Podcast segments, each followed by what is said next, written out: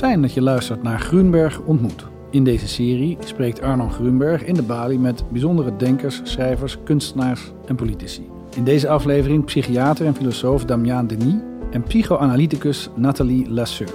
Een gesprek over angst en de toekomst van de psychoanalyse. Maar voor we gaan luisteren spreek ik, Juri Albrecht, kort met schrijver Arnon Grunberg. Welkom Arnon. Dankjewel. We gaan zo direct luisteren naar een aflevering van 5 februari 2017. Twee psychiaters.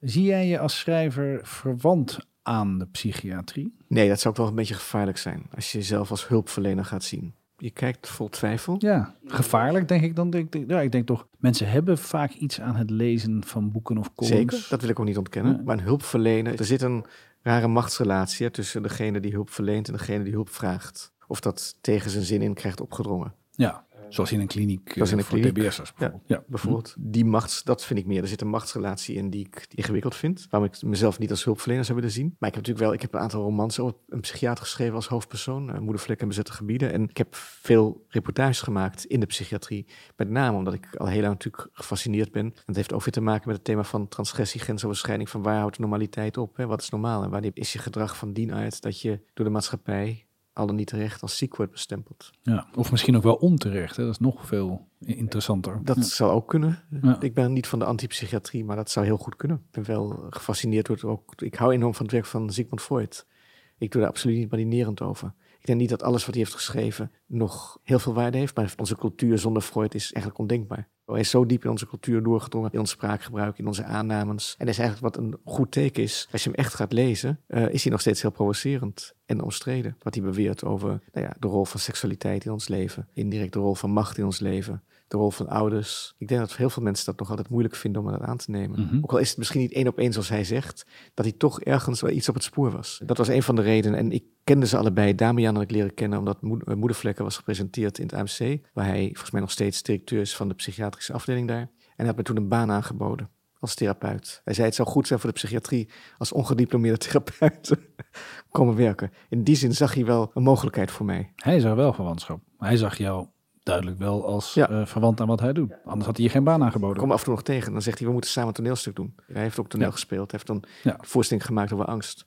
En Nathalie Lacour, die had ik leren kennen in België. En dat was vond ik zo'n, dat is een Lacaniaan. En dat is eigenlijk nog veel omstreden. Lacan is nog omstredener dan Freud dat Zo is. mogelijk nog om Zo omstreden. mogelijk nog. ja. dat vond ik ook wel heel fascinerend. Een echte Lacan-aanhanger die daar ook iets over te zeggen heeft. En waarom dat waardevol is. En de rol van taal. In die zin denk ik dat de psychoanalyse gaat natuurlijk heel erg over taal. En Over taal. over Ja. taal. Ja, want dat wou ik net zeggen eigenlijk, of vragen. Toen je zegt, ja, ik ben nog altijd gefascineerd door het werk van Freud. Je klinkt ook alsof je het echt gewoon op wil nemen. Hè? Zeker Ja, zeker. Bijvoorbeeld. Ja.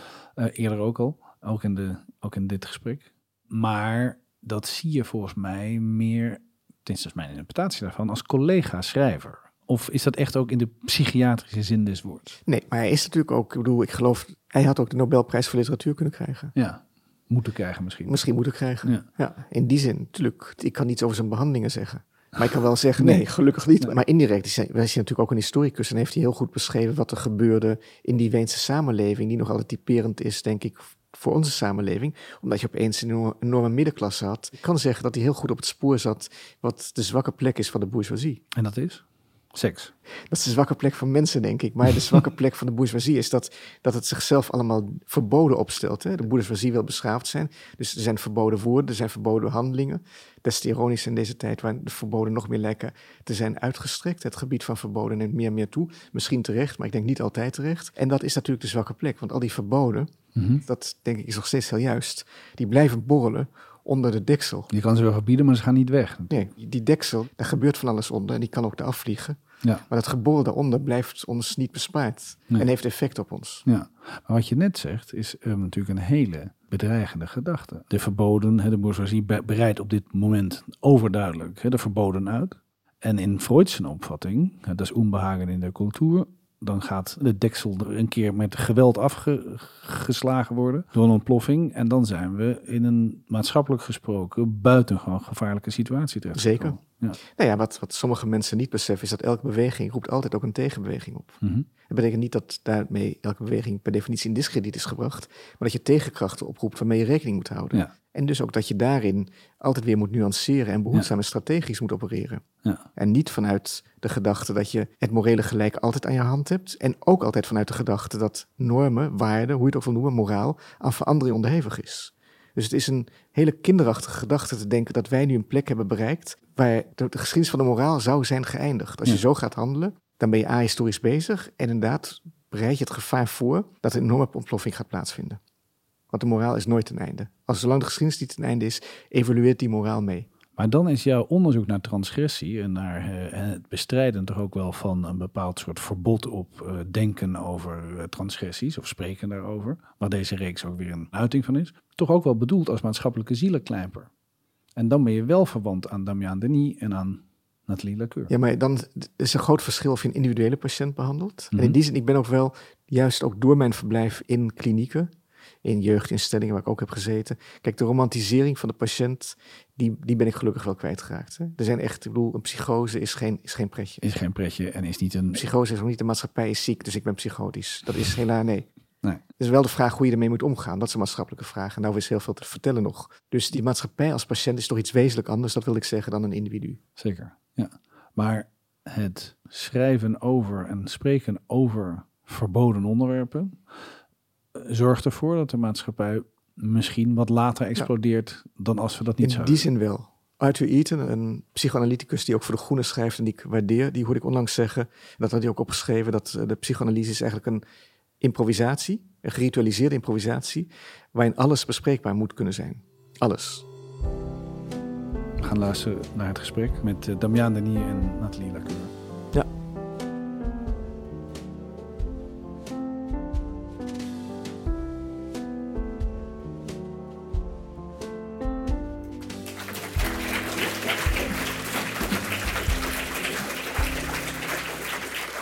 Ik spreek vanavond onder met rechts van mij Nathalie Lecoeur, medeoprichter van de KLI-PSI. Zeg ik dat goed? Of zeg je Clipsi? Clipsi, je zegt gewoon Clipsi. Nou, het is veel makkelijker. Medeoprichter van de Clipsi, een nieuwe beroepsvereniging van klinische psychologen. En tevens is hij voorzitter, voorzitter van de Kring voor Psychoanalyse. Geaffilieerd aan de New Lacanian School, een Europese school voor psychoanalyse. Ze heeft een privépraktijk in Gent. Ze is verbonden aan de Universiteit van Gent en in het najaar van 2017 brengt ze een boek uit in samenwerking met de kunstenaar Rinus van der Velde. Naast haar Damian Denis, psychiater, filosoof, hoogleraar psychiatrie, hoofd van de afdeling psychiatrie in het Amsterdam en theatermaker en tevens voorzitter van de Nederlandse Vereniging voor Psychiatrie. Beide gasten hebben nog iets anders gemeen. Uh, Nathalie heeft uh, dit voorjaar met mij een openbare Lacaniaanse sessie in Antwerpen gedaan. En een paar dagen geleden, een dag of tien geleden, vertelde Damian me in Den Haag dat hij mij graag in het openbaar zou analyseren. Maar nog zijn uh, de rollen omgedraaid, voor zover de schrijver stiekem ook een uh, psychoanalyticus is. Het motto van de avond is: de beste manier om patiënten te laten spreken is zelf te zwijgen. U mag dit motto ook mee naar huis nemen, naar uw woning of uw kantoor. Een aantal onderwerpen dat u weet, want het wordt wat chaotischer dan anders, die ik van tevoren met, met mijn beide gasten heb besproken, waarover we zouden moeten kunnen spreken, is heeft de psychoanalyse toekomst? Um, psychiater Koerstelman zegt dat therapie keihard en confronterend is. Is dat zo? Wanneer is de patiënt genezen? Hoe definiëren we normaliteit? Um, een korte introductie in het werk van Lacan. Het medicaliseren versus het criminaliseren van onwenselijk gedrag.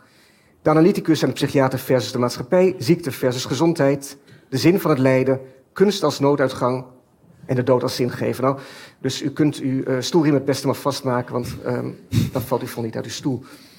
Ik ben heel blij dat Damian straks een korte, een korte samenvatting, wil ik niet zeggen, maar gedeelte uit uh, zijn monoloog uh, voor ons gaat spelen. De monoloog heeft verschillende titels gehad, heb je net verteld. De laatste titel is Van angst naar vrijheid. Voor ik begin, um, twee korte vragen als introductie. Eerst aan jou, Nathalie voorafgaand aan deze avond heb je mij betrekkelijk veel e-mails gestuurd met het verzoek om, om voor te bespreken wat we hier gingen doen. En op een gegeven moment dacht ik, misschien heeft Nathalie heel veel behoefte aan controle. Maar toen kwam ik eigenlijk tot de conclusie dat je bang was. En ik vroeg me af, voor wie ben je het bangst? Voor Damiaan, voor mij of voor het publiek? Ehm, is twee mails betrekkelijk veel? In vergelijking met de andere gasten die nooit iets van zich lieten horen, ja. ja, ja. Oké. uh-huh. Nee, maar het was omdat het aanvankelijk concept anders was. Uh, dus het was eventjes een beetje een bijsturen van, ah oké, het concept is compleet anders dan dat we aanvankelijk hadden gedacht. Want oorspronkelijk, het was een beetje in, het, in het verlengde van uh, onze ontmoeting in Antwerpen. Um, had je mij de vraag gesteld van, hoe komt dat toch en wat is dat toch met die haat tegen de psychoanalyse? Laten we daar eens een avond rond doen. En dat was zo voor mij van, ja inderdaad, dat vind ik zeker een boeiende, boeiende insteek. En na verloop van tijd is het iets anders geworden. Mm -hmm. Ik zeker ook oké okay vond, maar uh, het was eventjes... Dus met angst had dat uh, niets te maken? In elk geval niets met jou. Oké, okay. nee. nee, dan weten we dat. Dat is goed, dank je. Damian? Dan zal ik het wel zijn, natuurlijk. Wat zei je? Nee, sorry. Nee. nee wat, wat zei je? Sorry, sorry, Ik zei, dan zal ik het wel zijn, natuurlijk. Ja, tuurlijk, ja, ja, prima. Dat is ook heel begrijpelijk. Ja. Um, toen jij zomergast was, Damian, toen werd jou veel verweten, over andere dingen over Lacan, daar komen we nog over te spreken. Maar je werd ook, men verweet je ook dat er geen enkel fragment met een vrouw uh, in jouw uitzending zat. Ja. En wij hebben een keer gedineerd in 2015. En anders dan de meeste mensen met um, wie ik dineer, hebben we het niet over seks gehad en ook niet over vrouwen. Mijn vraag aan jou is, ben je bang voor vrouwen? Nee, helemaal niet. Ik bedoel, uh, absoluut niet. Maar ik vind uh, vrouwen interessanter dan om over te spreken. Ik bedoel, je kan er andere dingen mee doen. Kan... En ik denk dat ja. als ik met jou dineer, dan... Jij doet ja. liever dingen met vrouwen dan over ze te spreken. Ja, er, ont, er, ontwikkelt zich iets tussen mij en vrouwen. En dan, dan gaat het al snel. Uh, ja. Nou, niet, niet al heel snel, dat bedoel ik ook weer al niet. Maar bedoel, uh, ja, dan, ik denk, bedoel, het onderwerp dat we aan tafel bespraken was, uh, denk ik, van dat gehalte dat ik dacht, er moeten nu meteen geen vrouwen gaan tussen zitten. En trouwens, je hebt wel een vrouw binnengebracht uiteindelijk. Ik heb een vrouw binnengebracht. Bij dessert, dat was jouw keuze. Ja, dat is mijn keuze. Ja. Ik dacht, als je niet zelf al begint... dan... dan breng je er maar één mee. Precies. Ja, dat goed. Dat was, Damian, Nathalie en ik gaan in het publiek zitten en het podium ja, is aan jou. Ik moet wel, hè? Je mag, je moet. Ja. Oké. Okay. Goedenavond. Ik ben eens, ooit eens uitgenodigd door een bank in Barneveld voor een ballonvaart. We hadden juist een hypotheek afgesloten en een levensverzekering. De Barneveldse Ballon Fiesta. En in het Spaans klinkt het natuurlijk ook al veel interessanter. Tenminste, dat moeten de organisatoren hebben gedacht. En dat is niet onterecht, want het gaat niet altijd door wegens de Nederlandse weersomstandigheden. En ik moet zeggen, dat is pas triest. Al die half opgeblazen kleurrijke ballen en reuzenkabouters die in de motregen, de grijze motregen, naar adem liggen te snakken te midden van een ontgoocheld publiek. Maar die dag, toen ik er was, ging alles de lucht in. En we zaten met achter in een mand en we voeren naar Apeldoorn. Vol jolijt, want luchtballonvaartpubliek is altijd uitgelaten. Ik heb geen vrees, dus ik genoot intens van al het kleine daar beneden. De boerderijtjes met de stalletjes, de koetjes in de weidetjes, de um, moestuintjes met uh, de klopslaatjes en van die kleine insectjes met van die facetoogjes en glasrame vleugeltjes. Maar op een bepaald moment, op een bepaalde hoogte, toen het nieuwe er al zo'n beetje vanaf was, en dat gebeurt bij mij nogal snel, want ik verveel me nogal dikwijls, toen kreeg ik een merkwaardig soort van gevoel. Iets wat ik in mijn leven nooit eerder had ervaren. Een soort van een drang, een impuls, een, een, een soort van oncontroleerbare spanning om uit die mand naar beneden te springen. En ik moet zeggen, het gevoel was niet eens zo onaangenaam. In een bepaald opzicht was het, was het bevrijdend. Gewoon het verlangen om mij zacht in die blauwe lucht te laten glijden. Maar aan de andere kant was er ook de angst dat ik echt zou kunnen springen, dat iets sterker dan mezelf me uit die man trekt, over de rand sleurt en de diepte inzuigt. Die dan ergens ook in een bepaald opzicht ook weer verlossend leek. En ik stond een beetje in die mand, bleek voor me uit te staren. En ik weet het nog heel goed. Het gevoel werd alleen maar sterker. En ik schuifelde in die mand, van het midden naar de mand, naar de rand van de mand. En ik legde mijn handen op de rand van de, van de rieten mand om er zeker van te zijn dat ik toch niet zou springen. Krampachtig tot mijn knokkels er wit van werden. In een soort van verwarde overtuiging dat in uiterste nood de mand mij wel zou tegenhouden. En ik stond een beetje glimlachend te kijken naar de mensen, wat verdwaasd, onmachtig mijn gevoel te delen, alleen met mijn angst. Mijn leven rammelde alsof het door elkaar werd geschud en ik had geen idee wie dit bepaalde. Maar ik niet klaarblijkelijk. Wat is dat voor gevoel? Op zo'n grote hoogte. Wie herkent het niet? De spanning van springen en niet springen. Van gedwongen worden en van weerstand bieden. Van slaaf en meester te zijn van je eigen leven over jezelf. Ik ontmoet in die luchtballon, in de angst, mijn vrijheid. Omdat ik besef dat ik mijn bestaan kan opheffen wanneer ik mij vasthoud aan de rand van die mand, aan de rand van mijn leven. Ik heb niet bepaald om geboren te worden. Ik heb niet bepaald om er te zijn en zeker niet om zo te zijn. Man, klein, Vlaming. Maar ik kan nu wel bepalen het laten ophouden.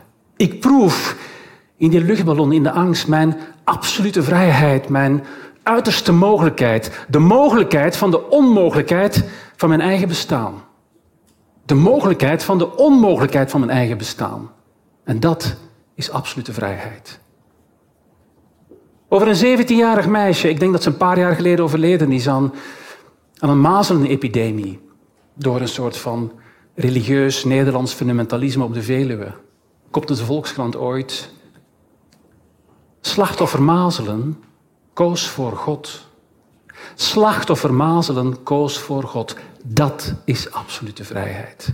En waarschijnlijk is het zo dat wanneer de mens wordt geconfronteerd met die vrijheid, dat hij zich daar enkel kan toe verhouden in angst. Angst is de toegang tot onze vrijheid. Maar kan de mens die vrijheid wel aan? Moet er geen God zijn of een wetenschap om te kunnen leven met die vrijheid?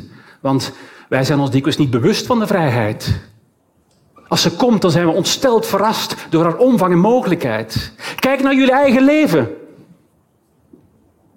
Je bent de vrijheid vergeten.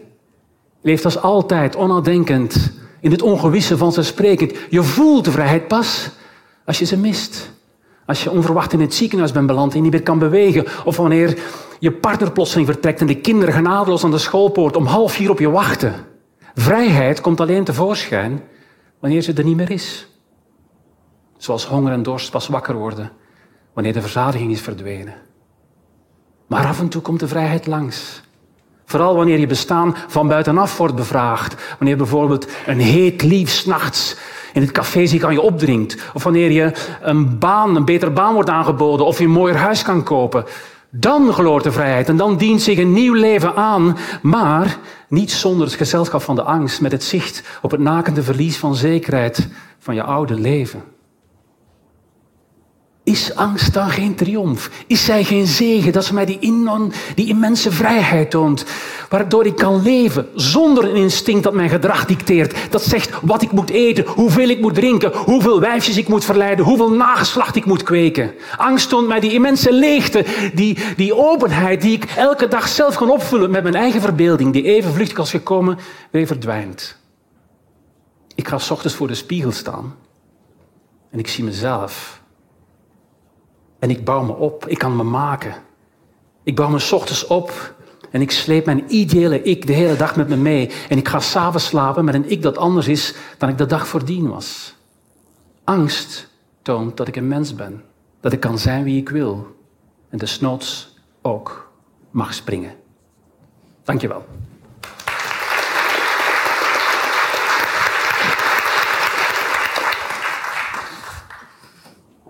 Dank je, Damian. Alsjeblieft. Je behandelt angst. Mensen die een angststoornis hebben. Maar eigenlijk zeg je in dit stukje uit je monoloog dat om mens te zijn, moet je wel angst hebben. Ja, inderdaad, ja. Is dat de vraag? Of, nou, of, ik dacht, kan je dat toelichten? Van, is, is een leven zonder angst onmogelijk? Ik denk dat sommige mensen daar wel naar verlangen. Ja, inderdaad. Mensen verlangen om te leven zonder angst. En we zien ook uh, angst dikwijls als een negatieve emotie, iets wat we, waar we bang voor zijn. We zijn tegenwoordig bang geworden voor de angst en we willen graag heel snel van de angst af. Wat ik een stukje, dat is een stukje uit dat eh, theater, eh, wat ik wil laten zien, is dat angst helemaal niet alleen een negatieve emotie is. Het is ook iets wat je, waar je door moet om te kunnen leven als mens. Angst is de mens eigen. Ik ken bijna niemand die nooit angst heeft gekend. we kennen het allemaal, maar als je aan iemand vraagt wat het is, dan weten we niet uh, wat het precies inhoudt. En volgens mij is angst voelen als mens een noodzakelijke voorwaarde om een menselijk bestaan te kunnen leiden. Nathalie? Jij bent... Wacht hoor, nee, nee, nee. nee. Even een vraag, dan mag jij het zeggen. Um, je bent Lacaniaan, misschien veel meer nog dan, dan Damiaan. Um, Antoine Moy, ik weet dat je geen grote liefhebber bent van, van zijn werk. Uh, Antoine, Antoine Moy is de Nederlandse Lacan-deskundige. In zijn laatste boek uh, citeert hij uh, Lacan en angst. ik ga even een heel kort stukje uit voorlezen. Wat is het, 200? En daar zegt hij... Daarom zegt Lacan ook dat angst niet zonder object is. Pas sans objet. Daarmee refereert hij aan de klassieke angsttheorie volgens welke angst, in tegenstelling tot vrees, geen object heeft. Wat denk jij? Heeft angst altijd een object? Of is het, moeten we onderscheid maken tussen angst en vrees? Heeft een rechtzetting. Um, zijn werk, ik ken enkel het boek Taal en Verlangen van Antoine Mooi. Dus uh, ik kan me niet uitspreken over zijn ander boek. Ik wist niet dat een ander boek was. Dus, um, het was ook het eerste zinnetje dat je mij opkwam toen ik um, Damian hoorde spreken. Um, zin van um, L'angoisse n'est pas sans objet van Lacan. Ik denk dat er klinisch gezien dat je een onderscheid kunt maken tussen angst en vrees, klinisch gezien, in onze praktijk. de angst is veel meer hanteerbaar als gekoppeld is aan een object. iemand die fobisch is, weet wat hij moet vermijden. Iemand die angstig is, weet dikwijls niet wat hij moet vermijden. Omdat de angst oneindig is, um, niet gekoppeld is aan een object. Um, wat je zegt over de... Mogen wij zo ook Ja, ja, absoluut. absoluut. Jullie mogen ook, zeker, zeker. Oh, dat is, dat is dankjewel, ja, Arnold, ja, ik, je mag ook tegen mij iets zeggen. Ja, ik ben mild. ja. ja. ja. Nee, uh, wat je zegt over de... Um, inderdaad, de angst. Um, er is een minimum aan angst noodzakelijk om een menselijk bestaan te hebben. Een menselijk bestaan. Een menselijk bestaan te hebben. Um, toen we denken aan, aan de kliniek bijvoorbeeld van de infantiele psychose, um, kinderen die, die van, van bij het begin zeer psychotisch zijn, mhm. dat heel veel ouders van, kinderen, van die kinderen zeggen is van wat dat ons frappeert, wat ons opvalt, is dat, dat ons kind niet angstig is. Ja. De afwezigheid van de angst. Ja. Wat het leven natuurlijk een, tot een hel maakt bij die kinderen. Um, dat is een, klinisch gezien een, een, indicatie die heel vaak aanwezig is zo, in, in die kliniek. Ja. Um. Maar zeg je nu eigenlijk dat, dat dat onderscheid nuttig is tussen angst en vrees? En dat zodra angst geen object meer heeft, zich niet meer ergens op richt, dus niet meer een fobie is, ik ben bang voor spinnen of ik ben bang voor wat dan ook, voor een grote ruimte, voor een plein, dat dan de angst pas echt ernstig wordt? Dan is het langs de kant van, de van het reële, zou je kunnen zeggen. Daar waar de angst al gekoppeld binnen een, fobisch, een fobische stoornis dan, we zitten in Nederland, dus mag gerust over stoornissen spreken. Mm -hmm. binnen, binnen de fobie is het gekoppeld aan, aan een betekenaar, zegt Lacan. Aan, aan, um, aan een symbolisch systeem. Um, een fobie is analyseerbaar. De angst die niet gekoppeld is aan iets, gewoon de angst als pure ervaring, als affect. Want dat zegt Lacan over de angst. Hè. De, de angst is een affect, is het enige affect dat niet bedrieglijk is. Daar waar... Leg uit. Ah, wel, daar waar je bijvoorbeeld, uh, zou kunnen zeggen van schuldgevoel, uh, ik voel me schuldig over iets, heeft altijd iets bedrieglijk, bedrieglijks. In de zin van, ja, bon, um, oké, je zegt dat je schuldgevoel hebt, maar daar zit er wel een waarheid in die misschien nog niet kan gezegd worden en waarover in de loop van, uh, van, de, van de sessies, van, van analytische ervaring, wel iets kan gezegd worden dat uh, eventueel haak staat op het aanvankelijk schuldgevoel waarmee dat iemand zich uh, presenteert. Terwijl dat, de angst, de angst is zo is, is ondra Waarom is de angst ondraaglijk?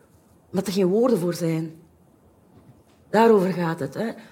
Op het moment dat je al woorden kunt kleven op iets, wordt de angst meer hanteerbaar. Dus de taal als bezwering? De taal, absoluut, ja. De taal als... Um, als bemeestering van de Bemeestering. angst, bemeestering van het reële. Waarom gaat een psychiater, hoogleraar... Weet, toen was je ook al volgens mij hoofd van de afdeling psychiatrie van het AMC. waarom, waarom ga je toneel spelen? Net voor we begonnen zei je... elke keer weer als ik op moet komen en daarachter sta... Ja. voel ik die angst. Ja. Ehm, ja, het was niet dat ik die angst zocht, alhoewel eh, dat het een prettige bijeenkomst bij, dus dat is zeker iets wat ik meegenomen heb. Ik had mij niet gerealiseerd dat ik er zo bang voor was omdat ik uh, op zich, ja, ik geef wel lezingen, ik geef les, dus het is niet zo ingewikkeld om voor publiek te staan. Maar theaterspel is toch wel anders, dus ik werd er wel heel bang van. En dat was voor mij ook een openbaring, ik schrok daar enorm van. Dus er zat een soort van kwetsbaarheid bij mezelf die ik niet herkende en kende. En dat kwam dus wel heel sterk tot uiting door op dat podium alleen te staan. En dat voor, voor mij was het dus heel leerrijk om te voelen wat angst echt is. Want poeh, ik heb het wel echt, ja, bedoel, dan merk je dat die verbeelding compleet op hol slaat. Bij, tenminste, bij mij was dat. En dat ik echt iets fysiek zocht om mij vast te houden. Dat ik echt aan het denken was hoe, achter die coulissen van hoe snel en hoe ver kan ik lopen, alvorens ze mij terugsleuren, terwijl het publiek in de zaal zat. Dus dat was toch wel uh, heftig. Uh, en dan ja, ze stel je ook de vraag, ja, waarom ben je nu eigenlijk zo bang? En dan zit er toch een soort, uh, er is een kwetsbaarheid. En op het podium um, is die heel groot, vind ik, als je theater speelt. En dat heb je natuurlijk niet als, als je professor bent of afdelingshoofd. Dan zit je in een functie. En dat is, dat is heel Lacaniaans. Die functie, je beschermt jou. Je zit in een soort van symbolische kokon. En uh, dan is het heel makkelijk om van alles te zeggen. Uh, maar zodra je dat weglaat en je kruipt op het podium, je ontkleedt je, om het zo te zeggen, of je gaat dansen of dingen doen die er buiten vallen, dan word je heel kwetsbaar. En dat is denk ik datgene waar ik ook zo bang voor was. Ja. En angst verrast je. Dat had je niet verwacht. Ja, want ik ben niet zo angstig aangelegd eigenlijk van mezelf. Dus uh, ik heb er niet zoveel problemen mee. Dus ik was daar wel door verrast, ja, ja zeker. Omdat ik ook datgene voelde wat mensen in angst beschrijven. Het is gewoon volstrekt oncontroleerbaar. Het is niet zo van, oh, ik ga vandaag eens een keer niet angstig zijn. Nee, dat lukt helemaal niet. Het slaat gewoon toe op het moment dat je het helemaal niet verwacht. Dat je denkt van, geen probleem, nu voel ik mij zeker, ik ken de tekst. En dan baf, komt ze binnen. En dan uh, verpettert je ze. En zo, dus dat, dat gevoel dat, dat je het voorwerp van de angst bent, is datgene waar ook mensen meest bang voor zijn. Dus je verliest de complete controle. En dat was wel voor mij heel heilzaam. Heeft het ook je verhouding tot je patiënten veranderd? Ben je anders naar je patiënten gaan kijken die bij jou komen met angststoornissen door deze ervaring? Oh, dat, ja, ik weet het niet. Of dat misschien wel een klein beetje. Ik kan er moeilijk, uh, moeilijk op antwoorden. Ik heb er eigenlijk niet zo over nagedacht. Ik denk, ja, ik, het is al twintig jaar dat ik mensen behandel. Daar zit je in een soort van professionele attitude. En je gaat heel sterk op zoek naar uh, criteria, normen. Je gaat af op je intuïtie in gesprekken. En je probeert je natuurlijk in die angst in te leven om beter het ziektebeeld te begrijpen. Maar het is natuurlijk niet de bedoeling dat je helemaal empathisch ja. in, de, in de huid kruipt van zo iemand. Je moet ook een soort van afstandelijkheid blijven behouden om als behandelaar die relatie te, te kunnen ja. bewerkstelligen. Dus in de psychiatrie is, is dat denk ik het moeilijkste om, om in die huid van die patiënt te kruipen, maar aan de andere zijde ook er weer uit te stappen. Uh, en misschien heeft het mijn medelevingsvermogen wel iets verbeterd, maar ja, goed, angst kent iedereen. Dat is het mooie van angst. Je hoeft niet opgeleid te zijn om te begrijpen wanneer iemand angstig is. Maar het heeft wel jouw leven veranderd, deze, het spelen van deze monoloog. Ja, het, ja. wel, het klinkt zo hoe. Maar uh, ja, het heeft wel zeker mijn leven veranderd. Ik bedoel, ik, ik, wat ik zo aantrekkelijk vind aan, het, aan dat theater is de vrijheid inderdaad. Om daar, je kan daar zeggen wat je wil. En gek genoeg kan ik dat niet in mijn andere rol. Dus de, de ongelooflijke immense mogelijkheid om echt te zeggen en te doen wat je wil, dat vind ik nu... Om je te laten gaan? Om je te laten gaan, om, om te spelen met dat publiek. Maar goed, dat heeft mij veel tijd gekost om dat een beetje te kunnen. Uh, en, en, om die grenzen af te tasten van jezelf. Maar ook, ja, nee, nee de echte expliciete vrijheid. Ik kan niet in mijn rol, uh, in mijn werk zeggen wat ik wil. Ook al, al doe ik onderzoek en publiceer ik dingen, dan zit je in een heel strak formaat van zo moet het zijn, dat denken de mensen. En op het podium, ja, daar hoef je helemaal niks van aan te trekken. Je kan alles zeggen wat je wil. Tot nu toe. Tot nu toe, Tot ja, nu toe. ja, ja, ja, ja. Nathalie, um, inderdaad, wij hebben over. Ik maak even een bruggetje naar de haat. Want volgens mij zit er wel een verband tussen angst en haat. Ik heb het idee dat, dat angst, dat datgene waar wat je vreest, dat je dat ook makkelijker kunt haten. We hebben in de tijd in Antwerpen inderdaad mede op jouw um, advies wil ik niet zeggen, maar op jouw aandringen misschien, op jouw suggestie. Jij kwam er geloof ik mee over de haat tegen de psychoanalyse gesproken. Um, denk je dat mensen die de psychoanalyse haten, daar ook bang voor zijn? En waarom haten mensen eigenlijk de psychoanalyse? Om een voorbeeld te geven, we hebben het daar ook kort bij het eten over gehad. Uh, Damian was zomergast in 2015. Jij liet een stukje van Lacan zien. En je kreeg enorm veel woedende reacties. Ja. Uh, Max Pam heeft in de Volkskrant opgeroepen dat het AMC jou moest ontslaan. Ja. Omdat je Lacan liet zien. Ja. Dat, gaat, dat gaat ver, toch? Um, ja, dacht ik. Um, waarom? Van waar die haat? Zit er angst achter? En wat voor angst is dat dan? Denk dat bijvoorbeeld um, een manier om, om je te verzetten tegen de angst is dingen klasseren. Dingen categoriseren, um, dingen in vakjes onderbrengen. Psychoanalyse biedt daar een beetje weerstand tegen. Tegen in een vakje geduwd te worden. En zegt ook van wij zitten niet, wij willen niet in het vakje van de therapieën terechtkomen bijvoorbeeld. Of wij willen niet in het vakje van de wetenschap terechtkomen. Of wij willen niet in het vakje van de filosofie terechtkomen. Dus we willen niet in een voorafbestaand vak terechtkomen. Ik denk dat er wel wat eigen is aan deze tijd. Um, en iedere tijd heeft natuurlijk zijn, zijn eigen angsten, zijn eigen symptomen. Dat het, wat eigen is aan deze tijd, is dat alles gecategoriseerd moet worden. Alles moet benoemd, gelabeld worden. Vandaar dat ik er juist een, een beetje cynisme toch sprak over van we zitten in Nederland, de stoornissen. Alles moet, voilà, alles wat een beetje afwijkt van een norm, moet een naam krijgen. En hoe noem je dat in Vlaanderen dan? Um, dat stoornisverhaal... Um, ik heb de indruk dat dat stoornisverhaal iets trager zijn intrede doet dan hier in Nederland. Maar um, als het, um, hoe zeggen ze dat? Als het regelt, regent in uh, Nederland, dan druppelt het in Vlaanderen. Dus voilà, dus, um, komt ja. ook nog wel uh, naar, naar, Vlaanderen. Maar het is uh, het categoriseren. Er zijn toch wel mensen, er zijn toch wel stemmen in Vlaanderen die daar toch wel um, weerstand tegen proberen bieden. Tegen het idee van de stoornissen en dan komen we natuurlijk ook bij de medicalisering van problemen. Hè. Um, uh, maar dan om terug te keren, want de, de aanvankelijke vraag was de haat tegen de psychoanalyse. In verband met de angst? En in verband met de angst. Um, ja, ik, ik vind het altijd moeilijk om zeer algemeen um, iets te zeggen over de mensen die de psychoanalyse haten.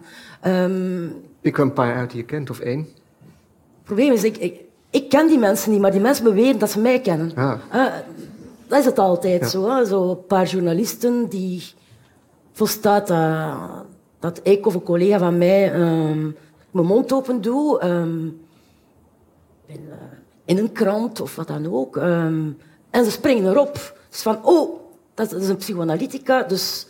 De vijand. Voilà, absoluut. dit, dit moet je wantrouwen.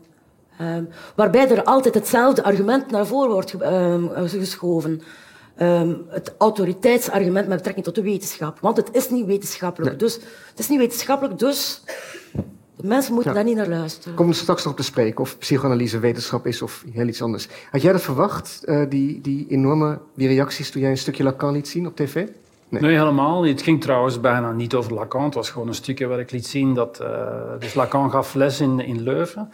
En het is een mooie scène, omdat, uh, nou goed, als je de context kent, is het heel plezierig. Je ziet al die mensen daar zitten. Hij komt binnen, het is de grand seigneur, geeft haar les. En er komt een verwarde jongen. En die gooit uh, water over zijn papieren en Lacan staat te kijken. En uh, wat ik wou laten zien is dat in, in de jaren 60, toen Lacan die lezing gaf, of begin jaren 70, dat er heel anders werd omgaan met verwarde mensen. Mm. Hij sprak hem aan. En zei, wat is er aan de hand? Dan zei hij, ja, ik wil eigenlijk graag ook iets vertellen. En Lacan zei, ja, doe dan maar. En hij gaf hem een stoel en hij hield een verhaal. En ik wou dit laten zien, uh, omdat men toen op een heel andere manier met verwardheid omging. Men gaf mensen het woord en heeft zijn, heeft zijn verhaal gedaan. En het was afgelopen. In, in een soort van gemoedelijkheid en een vriendschap. En nu wat wij doen is allerlei maatregelen nemen om die verwardheid uit onze normaliteit te halen en het weg te stoppen met observatiemaatregelen en dergelijke. En dat was eigenlijk de bedoeling. Dus Lacan was daar een bijfiguur. En die werd opeens tot hoofdfiguur. En hij werd tot een, ja zeker Is voor Max Pom. Ja. ook angst, het wegstoppen van verwaarde figuren? Het willen Absoluut, wegstoppen? zeker. Ja. Ik denk dat wij uh, in onze maatschappij uh, zo controlebehoeftig zijn. Dus dat, dat controle hebben we echt tot een deugd verheven. Waardoor dat we het heel moeilijk hebben met datgene wat daar heel bedreigend toe is. Dat is dus verwarring. Het is niets bedreigender dan een psychiatrische patiënt of een psychisch verwarde persoon, omdat hij alle van zijn sprekendheden Loslaat. met, nou, in vraag stelt. En ik, ken mezelf- dat, dat affecteert iedereen. Ik weet dat mijn vrouw, toen, ze mij, toen ik eh, assistent was in de psychiatrie, trouwens in Leuven, en ik zei, ja, wil je mij eens komen halen? Ik zei, eh, ja, maar ga dan maar wel buiten staan. Eh, Dus ze, vond het heel lastig om in die instelling rond te lopen en mij te komen halen. Gewoon, dus psychiatrie is beangstigend. En omdat de psychiatrie aan de oppervlakte van de maatschappij ligt, omdat we heel veel ermee bezig zijn, juist omdat we zoveel controle nodig hebben, wordt het natuurlijk erger en erger. We zien overal verwarring, ook waar het niet is. Dus wij creëren verwardheid uit angst voor controleverlies. Dat herken je? Ja, Je ehm, knikt. en Ja? toen mij ook denken, toen ik jou hoorde spreken daarnet, ehm over de vrijheid, ehm, de verhouding tussen angst en vrijheid, ehm, dacht ik aan een ander citaat van Lacan. Lacan zegt, le fou, c'est l'homme libre. Dus de zot is, is een vrije man. Hè, Want het is inderdaad, je zei van als je de vrijheid ehm, ontbreekt, dan hunker je naar die vrijheid. Hetzelfde, Lacan zegt ook, En die verwaarde man, waar Damian over spreekt, symboliseert de vrijheid. Stoppend van vrijheid, uiteraard. Alle alle eh, vormen van schijn doorprikken, de seigneur, zoals jij noemde, komt optreden in Leuven. Ehm, al die mensen die een positieve overdracht hebben naar Lacan, die daar allemaal niet durven bewegen, want Lacan komt spreken. De verwaarde man, die, die eigenlijk alle ehm, idealen ehm, als een laars lapt. Ja. Dat bestaat niet. Ehm, alle normen, alle sociale afspraken. En die daar gewoon ehm, zijn praatje Ja. komt doen. Dat is vrijheid. Hè, daar waar de, niet gevangen zitten binnen de wereld van de schijn. En dat is beangstigend. Dat is beangstigend. Want die schijn Dus- biedt biedt, eh, Die, die scène is wel interessant, want er zijn natuurlijk allerlei mythes over die kwestie. Is ook op, je kan het ook op YouTube bekijken. En sommige mensen beweren dat hij dus zelf die man heeft gevraagd, die verwarde man, om zijn act nog veel groter te maken. Maar goed, dan krijgt het een heel andere kleur natuurlijk. Maar dat hoort wel bij de La- hele mythe rond Lacan. ja. Ja, precies. Ik ga wat anders blijft het voor een deel van het publiek denk ik toch ehm, wat abstract. Ik ga jullie een hele moeilijke vraag stellen, misschien minder moeilijk. Of we in 10, 15 minuten een korte introductie in het werk van Lacan kunnen doen aan de hand van een aantal begrippen die ik heb opgeschreven die belangrijk zijn voor, eh, ehm, voor Lacan. Ja. Ik, wil, ik begin bij jou, Ja? de symbolische orde. Wat is de symbolische orde? Ja, symbolische orde is een. eh, dus Lacan eh, maakt, eh, kijkt naar de, de wereld en hij onderscheidt drie niveaus, althans in zijn, we gaan- in zijn eerste fase. Hij zegt hier: we hebben de symbolische orde, de imaginaire orde en le réel, de reële orde, om het zo te zeggen. En heel makkelijk zou je kunnen zeggen: le réel, dat is de, de harde werkelijkheid. Eh, dit is datgene wat ik niet in woorden kan uitdrukken. De immense pijn, het verdriet, eh, de vreedheid van de nazi's. Iets wat je zegt van ja, dat, dat kan niet in woorden. Dus de onmiddellijkheid is daar zo groot dat ik dat niet kan vertalen in een woord. Die imaginaire orde eh, is de orde van de identificatie. Eh, als ik mij slecht voel, dan kijk ik naar een film en ik zie John Wayne en ik denk van wauw, ik ben John Wayne. En ik voel me op dat paard zitten en galopperen en met een revolver. Dus het identificatieproces waar je jezelf opgaat in allerlei imaginaire beelden in literatuur en kunst, dat is een soort van fictieve orde die wij nodig hebben om als mens te kunnen overleven. Met ook alle nadelen van dien, want het blijft fictief. En dan heb je de symbolische orde, dat is de orde van de taal, van de instituties, van de, de rechterlijke macht. Dus al datgene waarbij de symboliek belangrijker is dan datgene wat het is. En taal is natuurlijk voor Lacan heel belangrijk. En hij zegt op een bepaald moment, en dat neemt hij dan van Freud over, als kind word je opgenomen in de taal. Je hebt de naam gekregen en die toegang tot die taal, daar betaal je een forse prijs voor. Want taal geeft jou de mogelijkheid om over iets te spreken. Als ik het woord boom uitspreek, dan weet iedereen meteen, ah, ik weet wat een boom is. Maar die echte boom, die blijft afwezig. Dus het gebruik van de taal gaat gepaard met een tekort dat zich installeert in de mens. En dat is voor Lacan heel belangrijk. En hij heeft het voortdurend over dat tekort proberen op te heffen. Dus wij eh, zweven tussen die drie ordes. Soms maken we gebruik van de taal. Dan zeg ik van, hé Arnon, maar ja, wie ben jij? Je bent natuurlijk niet alleen de naam, maar toch staat die naam voor iets. Voor wat mensen denken dat je bent. Een schrijver met dit en dit en dat. Je bent ook een fictief figuur. Mensen beelden zich in hoe je doucht, hoe je was, hoe je naar het toilet gaat, wat je allemaal niet doet. Ja. Ik zal stoppen nu. Nee, nee. En je hebt ook een reëel eh, aspect, Ja. hè? iets heel grondstoffelijk. Je gaat sterven en vergaan. Dus je kan eigenlijk naar de wereld kijken vanuit die drie verschillende ordes.